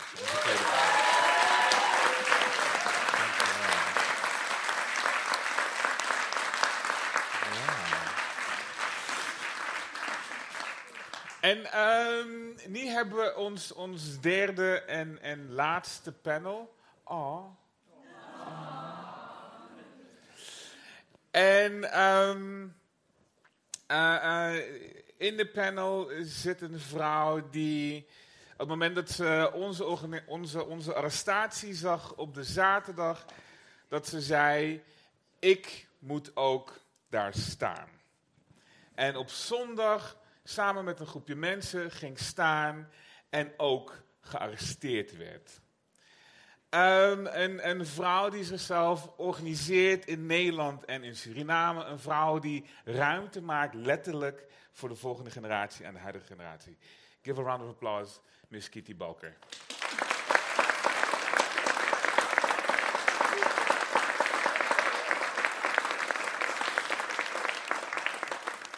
De tweede persoon ehm, is iemand die, wiens, wiens werk ik zo tof vind. Ehm, ik weet nog toen wij in een panel samen werden gezet, dacht ik van oeh, ik moet even kijken wie de andere panelleden zijn. En toen ging ik kijken en toen dacht ik, wauw, hoezo heb ik nog niet eerder van deze persoon gehoord? Ehm, ik zat te kijken en ik werd, met, weet je, op Instagram meteen follow. En dan zit je feed helemaal vol, want het blijft maar doorgaan. En het blijft maar vermenigvuldigen en het blijft maar toffer en toffer en toffer worden. En dan besef je dat iemand zichzelf ook organiseert met meerdere mensen. Um, give a warm, warm shout of applause voor Rui June.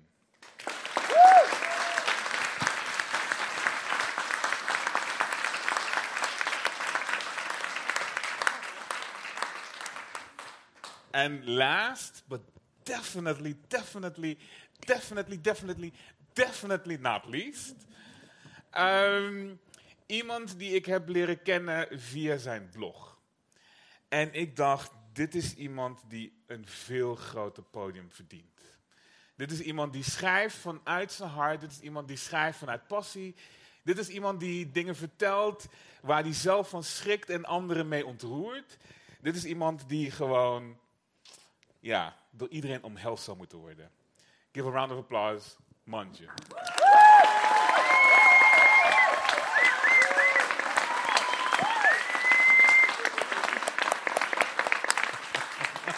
Tuurlijk.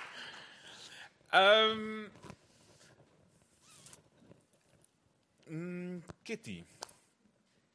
Ik, ik, ik, begin, ik begin bij jou. Ehm, ik heb je eigenlijk nooit gevraagd, maar hoe was dat die zondag om daar te staan? Dit is, dit is 2011. Dus eh, op de zaterdag werden vier mensen gearresteerd. En op de zondag werden er zeven mensen gearresteerd. Ja, ik denk zes, zeven, zo ongeveer zo. Ja, hoe dat was. Als is een goede voor iedereen en dankjewel voor de uitnodiging. Zeer gewaardeerd. Ehm, het was eng. Omdat, kijk, wij waren, ik zeg dan wij, en dat was ik dan uh, samen met uh, Koen Tarincho, waren we alle geruime tijd bezig met allemaal plannetjes smeden. Hoe gaan we dit doen? Want we waren er ook, het, het al heel erg. We waren in 2007 waren wij dus naar Ghana toe gegaan. En daar is het idee ontstaan met die bewustwording van um, um, the door of no return. Weet je, als je, naar al die uh, dungeons gaat waar, waar de tot slaafgemaakten opgesloten zaten voordat ze het schip opgingen. Was heel confronterend en daar is eigenlijk ons plan begonnen. En dat, we hebben meetings gehad en een heleboel verschillende dingen bedacht. Maar er was niet echt iets van gekomen. Totdat we dus zagen wat er met jullie was gebeurd. En uh, ik kreeg dus een telefoontje van, uh, geen telefoontje, dat was nog via uh, Blackberry Ping. Anoniem. Je moest elkaars code hebben om elkaar te kunnen bereiken. Um, kreeg ik een berichtje van, um, de tijd is nu, we moeten nu in actie komen. En voor mij was het dus geen twijfel mogelijk, want hier waren we dus al een geruime tijd mee bezig.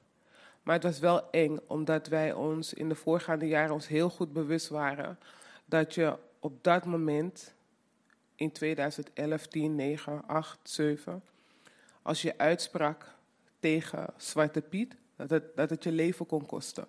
En de dreiging was real. En dat was eigenlijk bij jullie ook heel goed zichtbaar. Maar voor mijzelf was het gewoon een moment van, het is nu of nooit. We moeten nu in actie komen, we moeten dit doorzetten. Het had de aandacht verkregen die het nodig had. En jullie konden niet op jezelf staan. Althans, zo hadden wij dat besproken en besloten. Het was eng. Ik heb daar ook eigenlijk gedurende de hele periode met knikkende knieën gestaan. Heel eerlijk. Stond daar heel stoer te schreeuwen en te doen. En weet ik veel wat. Hoofd omhoog en borst naar voren. Want oh. Maar het is wel eng. Omdat je weet waarmee je bezig bent. En je weet, wat je weet inmiddels wat voor weerstand je krijgt vanuit Nederland. Vanuit de mensen, vanuit, vanuit de autoriteiten. Dus uh, hoe vond ik dat? Het was uh, super spannend, maar nodig. Ja. Dank jullie wel.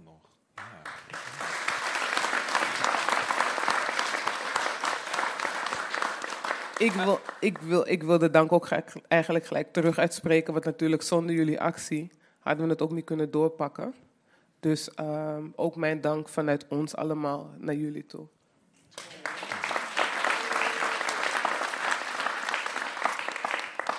Um, ik, ik, noemde het net al, soort van jij organiseert je Ruby June met andere mensen. Um, en dat doe je onder een soort van Asian Raisins. Um, kan je daar wat over vertellen? Ja, dat kan. dat mag. ja, dat was, ik denk inmiddels twee jaar ja, meer dan twee jaar geleden alweer.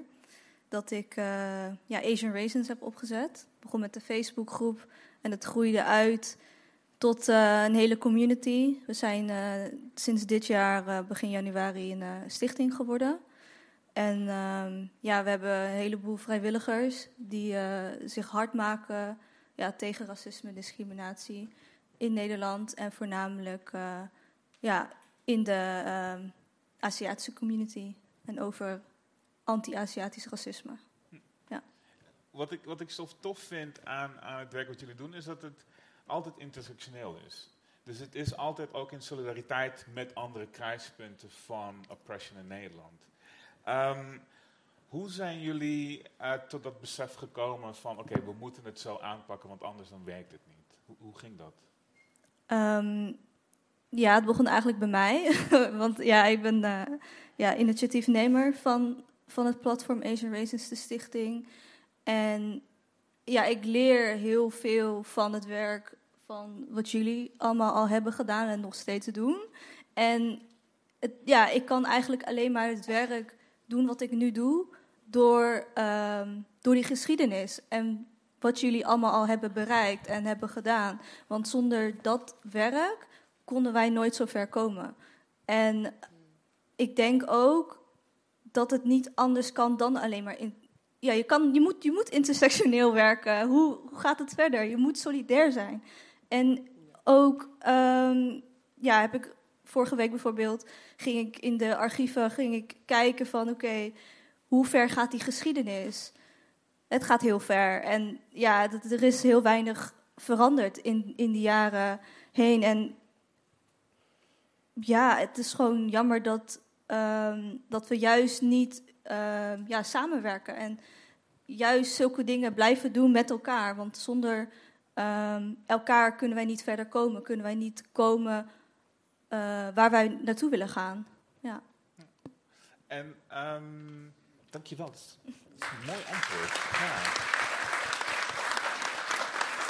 Um, Manju, als jij terugkijkt naar je eigen reis van tien jaar geleden tot nu, um, wat, is er, wat is er bij jou bijgebleven? Wat, zijn jouw highlights? Als je denkt van oké, ik stond toen daar en nu sta ik hier. Oeh. Ik, ik denk, het is een beetje cliché, maar mijn personal journey, denk ik. Ik weet, ik, ja, het is een anekdote, maar ik weet nog heel goed dat, um, dat Zwarte Piet is racisme begon en dat zeg maar, de gesprekken soort van door de samenleving heen kwamen. En dat ik op mijn werk was in, een hotel en bij de, in de keuken werd soort van gediscussieerd over Zwarte racisme. En ik woonde in Gelderland, uh, which is like danger, stranger country. Uh, um, dus ik, ik had gewoon mijn hele leven lang al geleerd van, zeg maar, hou je mond, weet je wel. Ik was nooit, zeg maar, helemaal uh, comfy bij Zwarte Piet, maar ik had er nooit iets over gezegd. En nu was er in de, de keuken was er een discussie en ik liep de keuken in. En ze vroegen mij point blank, en daarom weet ik het nog, van... Eh, wat vind jij ervan? En dat was en mijn hele leven had ik gewoon altijd zeg maar, van mijn mond gehouden, hoofd naar beneden. En nu zei ik gewoon soort van uit mijn tenen van, ja, ik ben het ermee eens. En nou ja, jullie weten allemaal, sindsdien ben ik niet meer gestopt met praten. maar ja, als je zegt tien jaar soort Pieters racisme, racisme, dan is het wel mijn personal journey van nooit je mond open durven trekken tot heel hard schreeuwen. Ja. Ik zou heel... Ja, nou echt. De, in, in het vorige gedeelte werd er gezegd ehm, door onder andere Lulu... ehm, hey, waar waren die mensen die, toen, die zeg maar, nu allemaal opstaan? Ik wou erop reageren omdat ik eigenlijk toch een andere... Ik, ik kijk er heel anders naar. Ik ben gewoon, like any time of every moment... Iedereen heeft zijn eigen tijd en vorm van bewustwording. En iedereen heeft zijn eigen tempo. En het is hetzelfde wat deze meneer hier ook vertelt. Soms heb je voorgangers nodig om je comfy genoeg te voelen om je uit te durven spreken. Dus wat ik eigenlijk zeg en hoe ik er naar kijk is... ik ben dankbaar voor iedereen die, ook al is het nu... ook al is het volgend jaar of pas over tien jaar... zich comfy genoeg voelt om zich uit te spreken. Omdat iedereen die zich uitspreekt, is weer een extra persoon die het gewicht zwaarder maakt voor ons allemaal. Dus dat is echt wat ik daarover wil zeggen.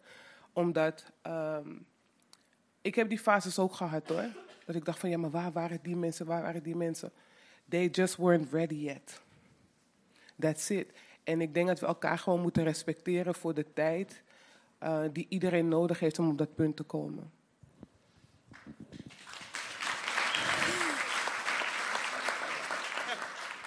Dat kan ik volgen. Ik, ik, Ik ook. ik, ik, denk dat het, ik denk dat het ook misschien te maken heeft met een soort van bandwagon jumping. Yes. En dat is net iets anders. Volgens mij is er een verschil tussen eh, eh, niet ready zijn en al wel ready zijn, maar het niet doen omdat het geen punt oplevert. Of, of omdat het niet uitkomt. Dus er is inderdaad wel een verschil. Er is een verschil. Dat is een Ja, er is verschil. een Ja, verschil. ja. Ik hoor je. ik, ik hoorde dat en ik dacht, hé, hey, hij heeft gelijk, man.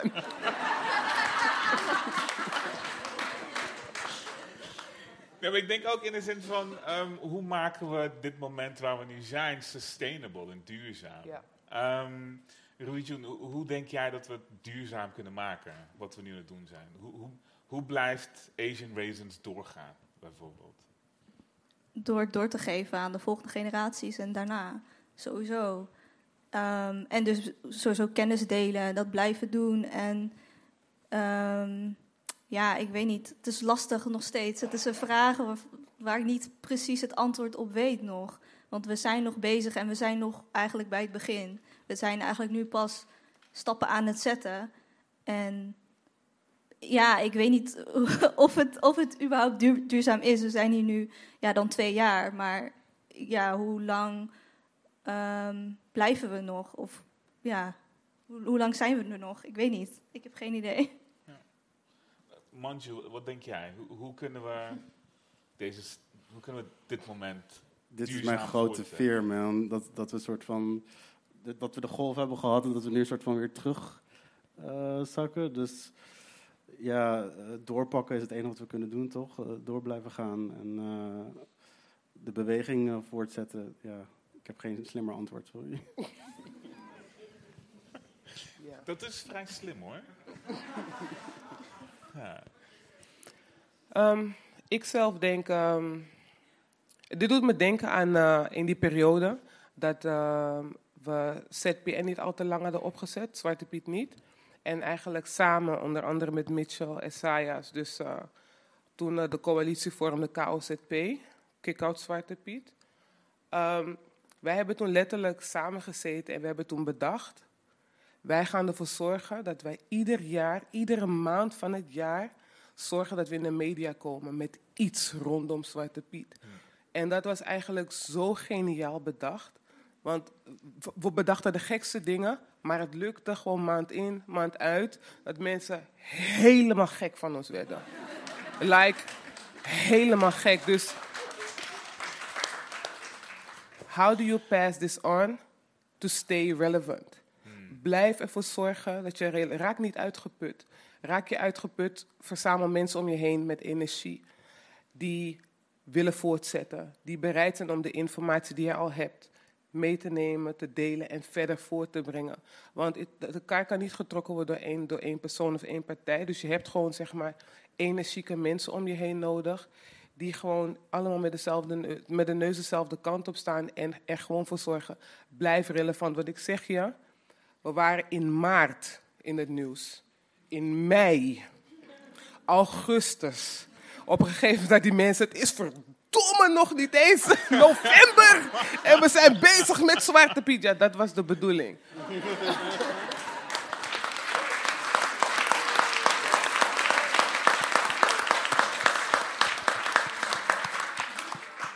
Ehm, zijn er al vragen uit het publiek?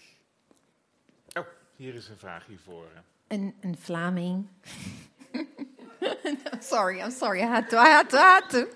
It's my friend, my lovely friend. Je, je, je, je mag het niet vastpakken. Ah, oké, sorry. Kan je opstaan? Oh. opstaan. Wie ben je? Waar woon je? Wat doe ik ben Sabrin. Ik ben een vriendin van Ibiza, dat is mijn eh, hoofdtaak.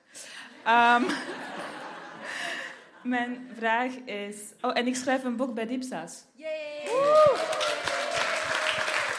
En plan. Ehm, mijn vraag is, ehm, je zei net, je moet energiek blijven, maar ik als iemand die eh, ook media, ongewenste media-aandacht heeft gekregen, weet ik dat het echt ontzettend moeilijk kan zijn. Ehm, en het is eigenlijk een vraag die ik naar iedereen zou willen stellen die op het podium is geweest. Want ik weet dat het voor ons allemaal heel moeilijk en heel zwaar is geweest. En hoe zorg je ervoor dat je, eh, naast dat je meer energieke mensen kunt vinden die ook uitgeput zullen raken, hoe zorg je ervoor dat je eigenlijk soort van een sustainable, op een sustainable manier je eigen energie kunt bewaren en bewaken? Ja, wie gaat als eerste? Wie dit? Ja, het is een, eh, een eh, zeer terechte vraag die je stelt. Ehm, ik heb ook echt, als ik het even, ik denk dat ik rond de 50, 60.000 haat, bedreigende inboxberichtjes had gekregen. 60.000 stuks. En dat, dat slaat wel, dat hakt in. Dat hakt in en dat komt in grote getalen. En ik denk dat de enige manier, althans wat voor mij gewerkt heeft om, om, om eh, niet door te draaien, is eh, om af en toe gewoon eventjes social media af te zijn. Gewoon heel even alles afsluiten, echt de tijd voor jezelf nemen, eventjes vertrekken waarbij je gewoon alleen maar bereikbaar bent voor je eigen mensen. Om eventjes op kracht te komen, want dat heb je wel echt nodig. Want inderdaad, it's draining. En op een gegeven moment, ehm, maar ik denk dat dat is eigenlijk ook een beetje de bedoeling, hè? Eh, dat je uitgeput raakt en dat het daarbij stopt en dat het dan ophoudt. Dat uh, dwarse gedrag van doorzetten. maar ehm, ik denk echt even tijd voor jezelf nemen. Alles afsluiten, niet bereikbaar zijn. Alleen voor de mensen waar jij voor kiest, die jou mogen bereiken. Ja. Manju? Hoe, eh, Ja, di- dit sowieso, dit is volgens mij de allerbelangrijkste, dat je voor jezelf durft te zorgen. Dat is volgens mij al een hele grote stap waar zeker activisten nogal last van hebben dat ze dat niet doen. Kijk niet naar jou, hoor. maar, eh, ehm, en daarnaast eh, zou ik adviseren om eh, doseer je energie, focus je energie. Dus wa- waar ik merkte dat ik en ook heel veel activisten met mij mee kapot aan gingen, was alles proberen te doen. Dus echt ook in een politieke partij en, en demo's bezoeken. En don't laugh at me, I was young. en, eh, eh, en je probeert alles te doen. Je probeert eh, alles voor iedereen. Elke, elke zaal waar je komt, ga je het gevecht aan. En dat zou ik zeker niemand ontmoedigen, maar ehm, je, je bespaart je energie zoveel meer als je je focust op bepaalde dingen. En jezelf ook ehm, die ruimte geeft om, om af en toe niet tot gevecht te gaan, maar juist extra hard op een ander gebied. Dus ja, focus je energie, zou ik zeggen.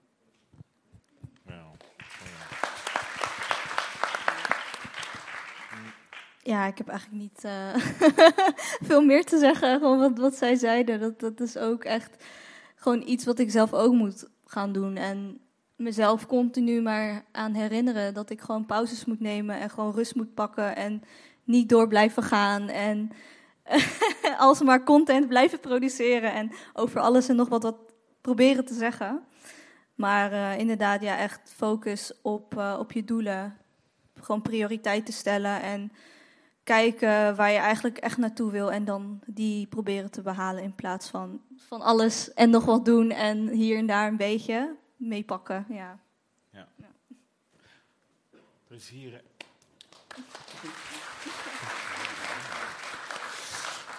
Er waren een aantal vragen nog, hè? Oké. Ik heb daar geen regie over, Arzu. Dat, dat doet Elise. Hoi, ja, ik heb een vraag, eh, vraag van Manju eigenlijk. Ik heb jou heel lang op Twitter gevolgd to- totdat je daar heel begrijpelijk wegging. Ik heb niet zo heel goed zicht op wat je nu als activist eh, doet. En of je jouw werk als scenario schrijver daar ook eh, ja, voor jou onder valt of niet. Want volgens mij ehm, heb je daar ook opdrachtgevers waar je heel groot publiek moet bereiken. En dat lijkt me soms best lastig als, als activist. Ik vroeg me af hoe je daar een balans in zoekt. Van hoe je, hoe je een boodschap eh, probeert over te brengen voor een publiek dat heel groot moet zijn. Ja, good question. Eh, als ik het antwoord weet, I'll let you know. Maar eh, nee, dit is ook een beetje wat ik bedoel met focus, omdat ik inderdaad zoveel, er ging zoveel energie naar Twitter, like, dat was unreasonable. Maar ehm, ik merkte dus ook dat doordat ik steeds een groter platform kreeg en steeds grotere dingen mocht maken, dat ik dus ook veel meer mijn energie daarin kon stoppen en dat, zorgen dat dat goed was en dat daar de eh, ehm, gevecht eigenlijk naartoe ging. Want je, had, je zit gewoon met allemaal witte mensen die eh, het liefst gewoon nog eh, Zwarte Piet in een serie zouden hebben. Dus eh, je, je moet op een gegeven moment moet je gewoon de keuze maken: oké, ga, ik, ga ik weer rant op Twitter of ga ik mijn baas nu uitschelden? En ik heb voor het laatst gekozen. En, en ik moet ook zeggen, je hebt in de tussentijd ook bij Dipsaus heel vaak verschillende tv-shows soort van gerecenseerd en besproken. Yes. En daar luisteren we allemaal naar. Ik bedoel... Dat was fun, though. En, en we willen meer. We willen heel veel meer. Wheel of Time. Yes. Eh, maar ik wil wel even één ding eh, daarop inhaken. The thing is, eh, wat, heb je dan niet, misschien, ik ben aan het projecteren, heb je niet het gevoel dan, when you concentrate, when you focus, bij- bijvoorbeeld to fight internal battles, dat we het zicht op het, how do you say it? Ehm, op, op de, de, de bigger battle dan kwijtraken. Want eh, hebben, jullie, hebben jullie het gevoel, eigenlijk ook een vraag naar iedereen hier, hebben jullie het gevoel dat de strijd eh, die we voerden met z'n allen vanuit onze verschillende plekken, eh, van een aantal jaar geleden, hebben jullie niet het idee dat het nu een beetje ingezakt is? Of ligt het aan mij? I don't know. Hoe, hoe bedoel je ingezakt? In, ingezakt in de zin van, it's, it, it seems like, zeker na vorig jaar, en ik denk ook because of COVID, dat er een soort van een dip is. Terwijl het nog steeds gewoon, naar mijn gevoel, is er. eh, Kijk, er, there are seats. de- kijk, Je kijk, zit- je zit nee, wacht even, sorry. hier, nee, er zijn, eh, nee, maar er zijn mensen die. eh, ik wil, ik, you know, you know, I don't like the stage. Hou op. Nee, maar er zijn, kijk, je hebt, we have created our own spaces. There are also seats at the table, maar er zijn ook heel veel kruimels die uitgedeeld zijn. En ik heb het, soms, waar ik eigenlijk bang voor ben, is dat wij die kruimels zien als seat at the table. Daar, daar, ik heb het gevoel dat we daar nu een beetje zitten. Ik, ik, ik, I think, yeah, oh, als ik te veel praat, moet je het ook zeggen. Nee, nee ik, ik denk dat we ehm, heel lang zijn blij gemaakt met kruimels, zodat wij niet eigenlijk die hele loof zouden willen. Weet je? En ik denk dat waar we nu eigenlijk bij zitten, is dat sommige mensen zeggen van weet je wat, ik hoef dat witbrood niet, ik wil speldbrood.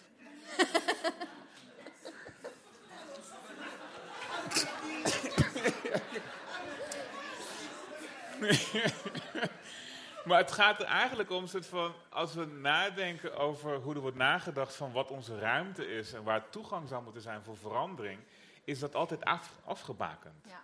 Jij hebt jouw space en binnen die space moet je iets kunnen veranderen. En wat we eigenlijk zien vanavond door alle sprekers hier on stage, is dat er constant nagedacht wordt van hé, hey, mijn, mijn vierkantje, mijn blokje, mijn kubusje is niet genoeg. En jouw definitie van mij binnen dat kubusje is niet mijn definitie. Ik ben een bol, weet je wel. Maar het is dan ook, als we dan nadenken over hoe we die kruimels dan ehm, zien als het hoogst haalbare. Ja, En daar ja, zit eigenlijk precies. het punt. Dat we constant content en blij moeten zijn met een kruimeltje hier en een kruimeltje daar. En aan de ene kant is het soort van, ik ben super blij dat we hier met elkaar zijn en tien jaar van dit kunnen vieren. Aan de andere kant denk ik, hé, hey, er is nog 10, 20 jaar te gaan. Ja. En allemaal toffe dingen die we kunnen gaan doen. Ik wil, weet je, ik, nee, ik ga het niet allemaal verklappen nu. Maar er, er komt nog veel meer in die zin. Ik, ja, ik, ik, ik ervaar het niet zo. Hè. Ik, als ik kijk naar vorig jaar, 2020, dan zie ik ehm, die hele eh, opleving, als ik het even zo mag noemen, voor het gemak, niet als een, als, als, als een ehm, black aware opstanding die er was. Kijk, ehm, er zijn verschillende factoren die vorig jaar meespeelden en daarom ervaar ik het ook niet zo als hoe, hoe je het zojuist hebt uitgelegd. Vorig jaar waren er heel veel mensen op de been die allemaal opgesloten zaten. Corona. Hè? Nu was de mogelijkheid om allemaal massaal naar buiten te komen. En hé, hey, dan maar George Floyd. Dat is zeg maar hoe ik het vooral heb ervaren. En ehm, het was een uitgelezen kans om het voor de groep die hier wel heel bewust mee bezig is geweest jarenlang, om dat uit te buiten, uh, respectfully. Uh, om dat ook op die manier neer te zetten. En dat is ook hartstikke goed geweest. En we hebben heel veel mensen bereikt. Er zijn heel veel mensen bereikt. Het is de wereld overgaan. En het was een wereldwijde golf. Maar waarom was het een wereldwijde golf? Omdat over de hele wereld mensen opgesloten zaten. En um, um, dit jaar zijn er al, is er al heel wat meer vrijheid gegeven. Gegeven weer, hè? Aan de mensen. En, en, en is het alweer, de gemoederen zijn wat dat stukje betreft enigszins uh, gekalmeerd. En dat is waarom ik het niet zo ervaar als van, hé, hey, het is nu veel rustiger. We hebben, volgens mij was het in, even kijken, de 11, 12, 13, 14 hadden we toen op de beur, beursplein toen uh, de... Uh, 2013. 2013? Nee, was het 13? Beursplein? Ja. Oh, wauw. We hebben het zelf georganiseerd, maar goed. um, um, en in de jaren daarna heb je altijd een paar hele heftige jaren en dan weer even een wat, iets wat rustiger jaar. En dan, heb je weer, dan komt het weer op en het gaat, het gaat in fase. En dat is eigenlijk niet raar wat mensen. Het, zijn, het, zijn een, het is heel lang een groepje mensen geweest die de kaart trok. Die ook uitgeput raken, die ook hun energie terug moeten halen. Vooral als je dan jaar in, jaar uit, maand in, maand uit doorgaat. Um, en dit jaar, ik, ik denk echt dat, dat er een verschuiving plaatsvindt. En dat we van keihard knokken op de voorgrond nu naar strategie, naar strategie zijn gestapt. En dat, je heel veel meer, dat, dat er heel veel meer mensen nu vooral bezig zijn met van oké, um, de politiek moet aangesterkt worden. We moeten, um, we moeten onze jongeren op bepaalde opleidingen zetten zodat ze hun diploma's halen, zodat ze daar terechtkomen. En ik denk dat men nu vooral daarmee bezig is. En dat die explosie, dat we die explosie binnen nu en vijf jaar wel echt kunnen verwachten. Dat is wat ik denk. Dus voor mij voelt het niet als van, hey, is het, zijn de gemoederen gesust? Nee, voor mezelf, ik ben ook op de achtergrond heel erg bezig. Ik sta niet meer frontlinie. Daar, ik heb er nu heel bewust voor gekozen in de afgelopen jaren. Ik heb genoeg klappen gehad, blauwe plekken gehad, is genoeg. Dat doe ik niet meer. Maar dan ga je op een ander gebied verder en dan ga je op een ander gebied bouwen en strijden en, en, en de mensen van binnenuit sterker maken. En ik denk dat dat op heel veel verschillende plekken gebeurt. En dat is niet zichtbaar voor het gros of voor iedereen om te zien, maar het gebeurt wel.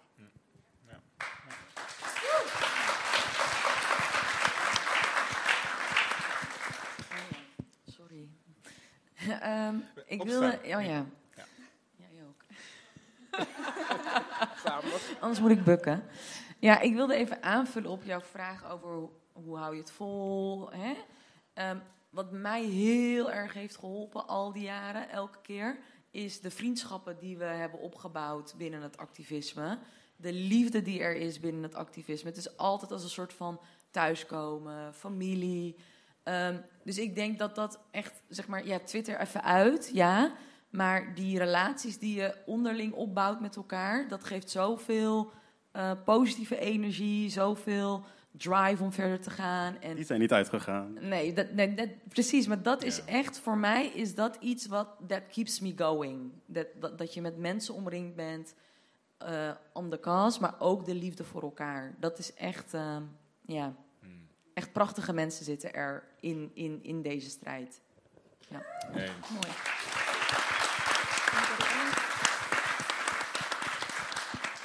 Volgens mij moeten we alweer naar de laatste vraag van de zaal. Is er nog? Er was daar een. Oeh, wacht even. Oké, de laatste twee vragen dan. Ja. Oké. Oké. Daar een vraag en hier een vraag. Hoi. ehm, ja, volgens de vraag was zojuist hoe krijgen we deze beweging zeg maar, door de komende generaties in. Ik denk en hoop dat het vooral gebeurt als we zeg maar, een soort van stille meerderheid weten te bereiken. Ik moet daarbij altijd denken aan Nelson Mandela, die dat volgens mij is gelukt, redelijk uniek in de menselijke geschiedenis. Want ik denk dat we het eigenlijk allemaal altijd met elkaar eens zijn van, goh, hoe, hoe word je als mens gelukkig? Volgens mij zijn we van nature groepsdieren.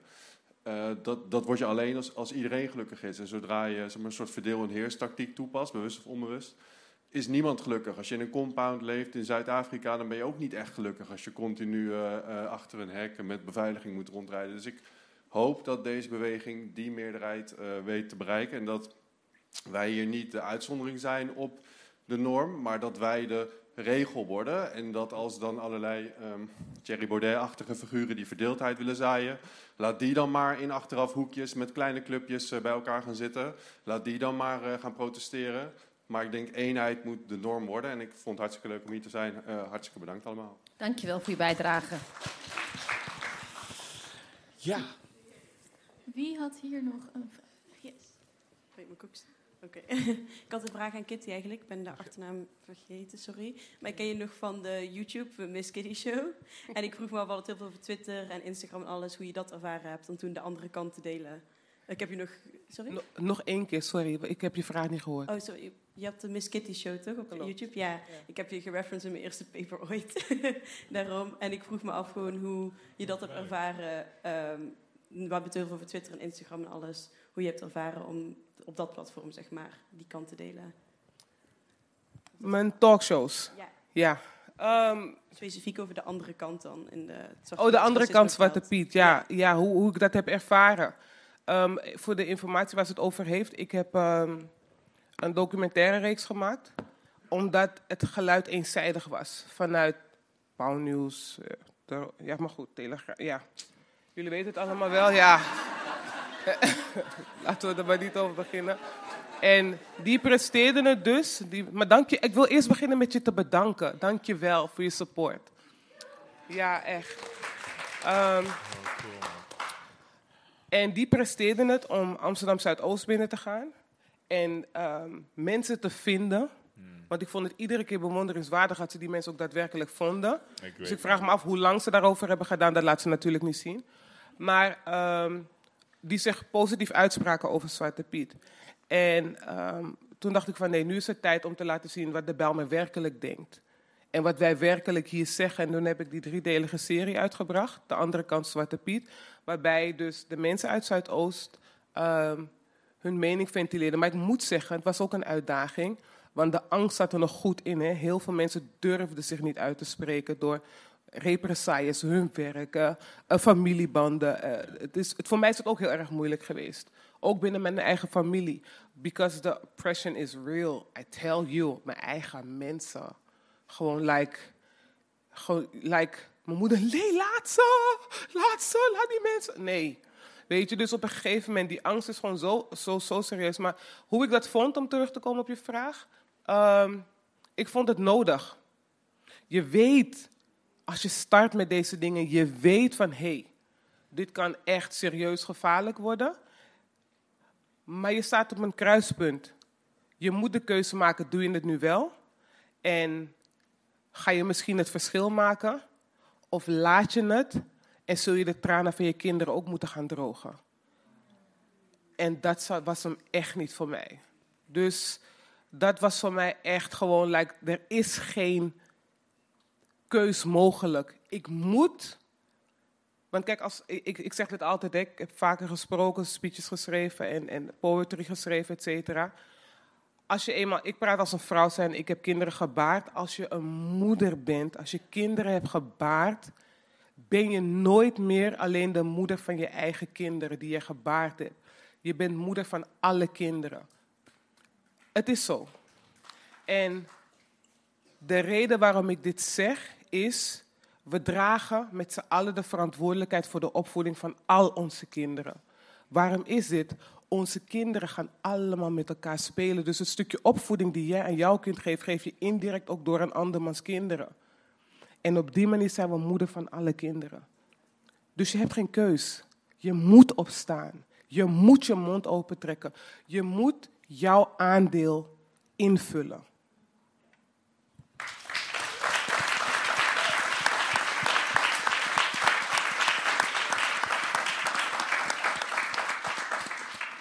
Dank jullie wel voor deze laatste panel. Dank jullie wel voor jullie bijdragers aan de avond. Um, give them another round of applause.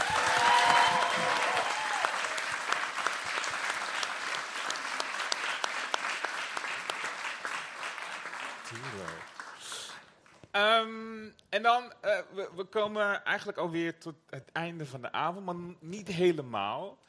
Um, want ik heb een cadeautje meegenomen. Of eigenlijk, wij hebben een cadeautje meegenomen.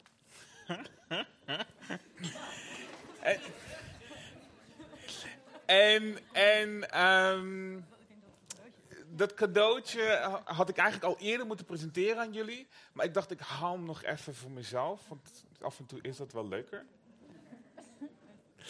En dat cadeautje is mijn broertje. En ik vind het altijd leuk om broertje te zeggen. Want meestal als mensen hem zien, denken ze: Oh, jij bent jonger, toch? Nee, nee.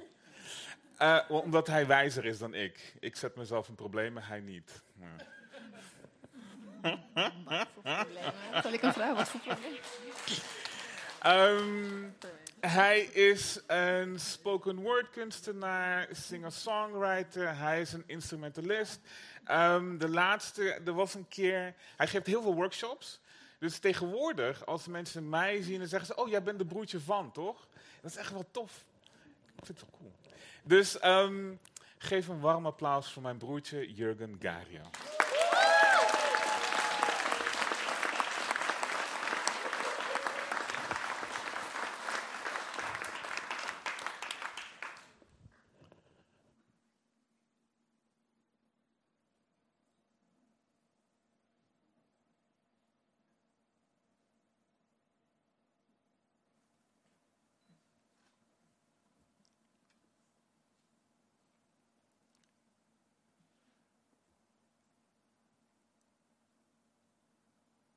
Tour dia e dia não te move. Para que tu não tenhas style. Para que tu não tenhas cultura, para que tu não tenhas costume. Com a bini conosco move kunang, antonante move conosco. Conosco move kunang, antonante move conosco. Conosco move kunang, antonante move. Com a bini e dia não popapia. Anto nostra escucha. E nubia non può conta nostra storia. Tapa solo tene agua que ta set anto hoga. Tur dia mi ta puntra awe mene awe ta Dios. Anto awe ta tende, awe ta escucha, awe ta papia. Elke dag bewegen de dagen. Sta stil is niet een stijl. Sta stil is niet een cultuur. Sta stil is niet een gewoonte. Hoe is het gekomen dat, dat wij bewegen met hen en zij bewegen met ons? Dat wij bewegen met hen en zij bewegen met ons. Dat wij bewegen met hen en zij bewegen met ons. Hoe is het gekomen dat de dagen kunnen praten? En wij luisteren. De wolken kunnen onze geschiedenis vertellen de zon bedekken, water vasthouden, dorst stillen en verdrinken. Elke dag vraag ik vandaag alsof vandaag God is. En vandaag hoort, vandaag luistert, vandaag praat.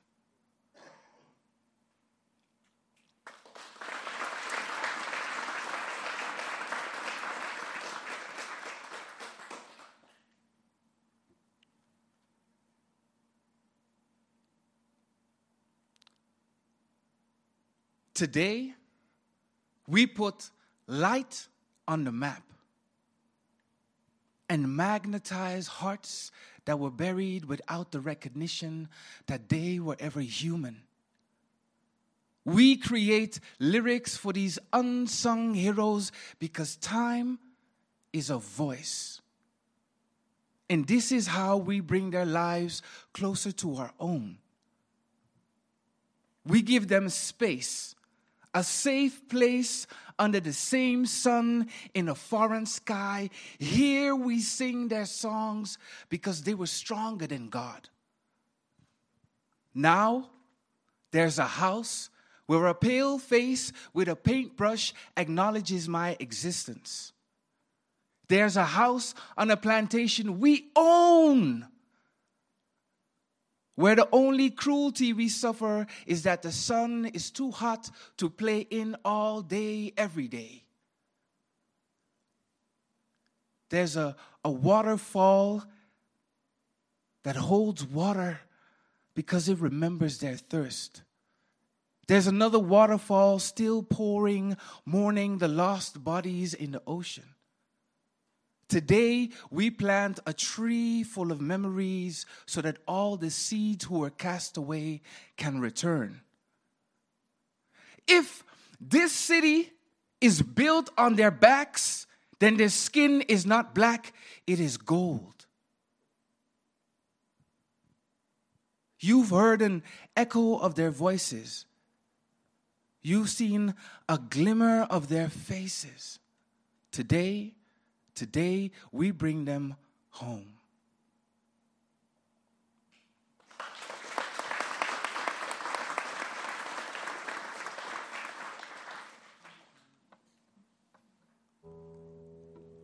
Language is so, so powerful.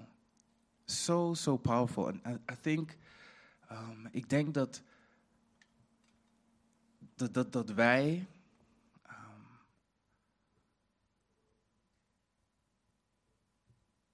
dat wij die waardering zo goed mogelijk willen, willen doorgeven.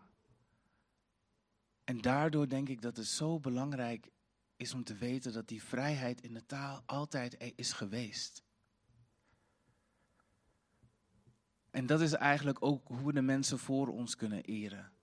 Om, om, uh, om nieuwe woorden te vinden voor dezelfde ideeën, zodat we met elkaar in gesprek kunnen gaan.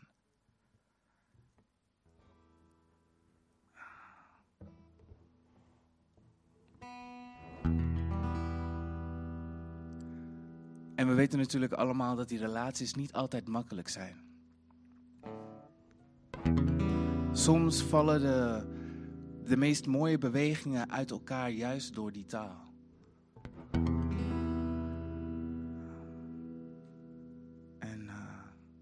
We strijden door.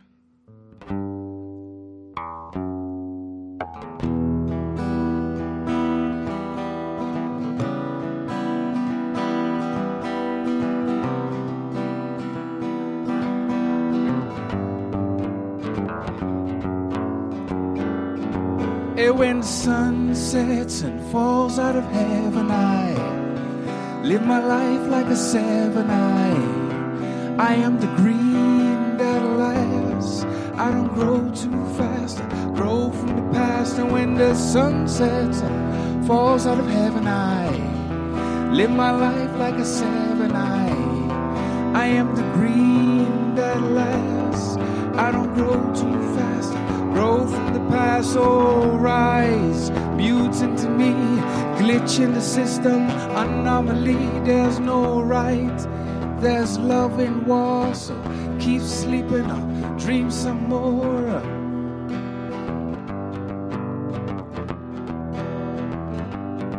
Come on, poets, pick up your swords and strike their hearts with every chord. We are heroes, born with a rhyme, stuck in space, speaking signs.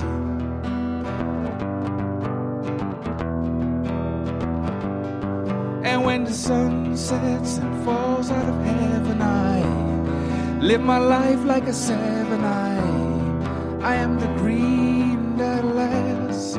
I don't grow too fast. I grow from the past, and when the sun sets and falls out of heaven, I live my life like a seven. I, I am the green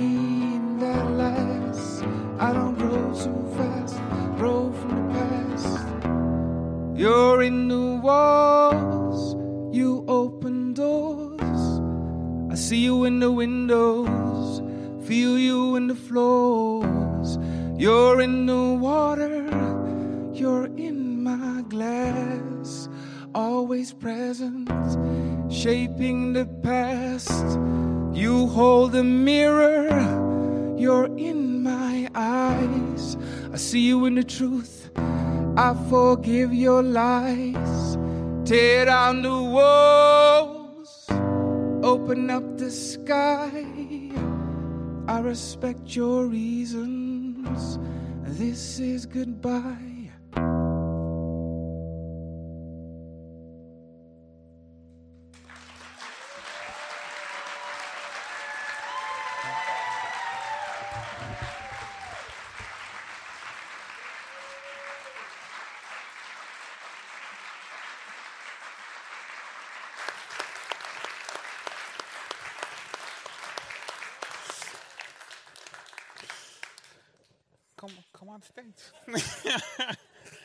en ik had gelijk toch, ik ben de broertje, ik ben de broer van nu, toch? Ja, precies.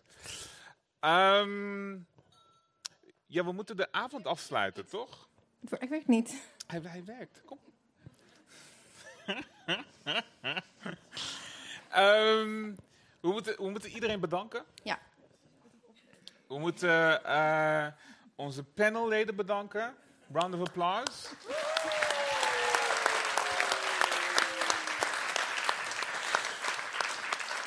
We moeten eh, de techniek bedanken. Dank jullie wel. En Tessa? We moeten productie bedanken. Tammy en Te- Tessa. Ja.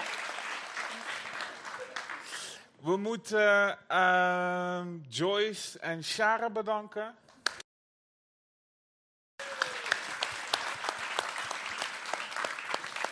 We moeten ehm, Mariam en Anousha bedanken. Ja. Het doet pijn. Het doet echt pijn om hier alleen te zijn zonder hun. Wilde ik even zeggen. Ze kijken mee, dus eh, een zwaai. Hey. en we moeten natuurlijk ehm, alle luisteraars van Dipsaus bedanken. Lezers van de Dipsaus boeken en exclusives bedanken. We moeten iedereen die mee heeft gedaan, op welke vorm dan ook, met Zwarte Pieters Racisme bedanken. We moeten alle mensen die ons voor zijn gegaan in de dingen die we doen bedanken. Van Mart Radio tot MTNL, van... Oh man, er zijn zoveel mensen die ik zou willen noemen, maar we hebben de tijd niet. En we hebben de tijd niet omdat wij door moeten blijven strijden. En omdat wij dingen moeten blijven doen. En omdat wij elkaar moeten, of tenminste moeten, of willen, kunnen, zullen blijven supporten. Dus dat houdt in, na vanavond, ken je de persoon die aan je linkerzijde en je rechterzijde zit? Ja? Misschien ook de persoon die achter je zit, of de persoon die voor je zit. Ja, ja. En dan zorgen ervoor dat het niet nog vijf jaar of tien jaar duurt dat we samen zijn. Hopelijk na deze soort van tijd zien we elkaar wat vaker en wat, wat langer. I hope so. I hope so too. Post, post-lockdown. Post-covid. Post everything. And pre, you know, revolution. Woo!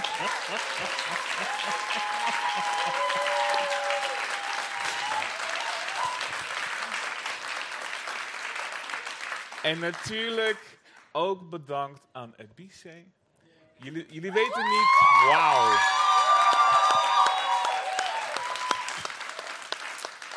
Ehm, en jullie zelf, dat jullie er vanavond waren. En nu laten we jullie met wat tunes. Ja. Natuurlijk.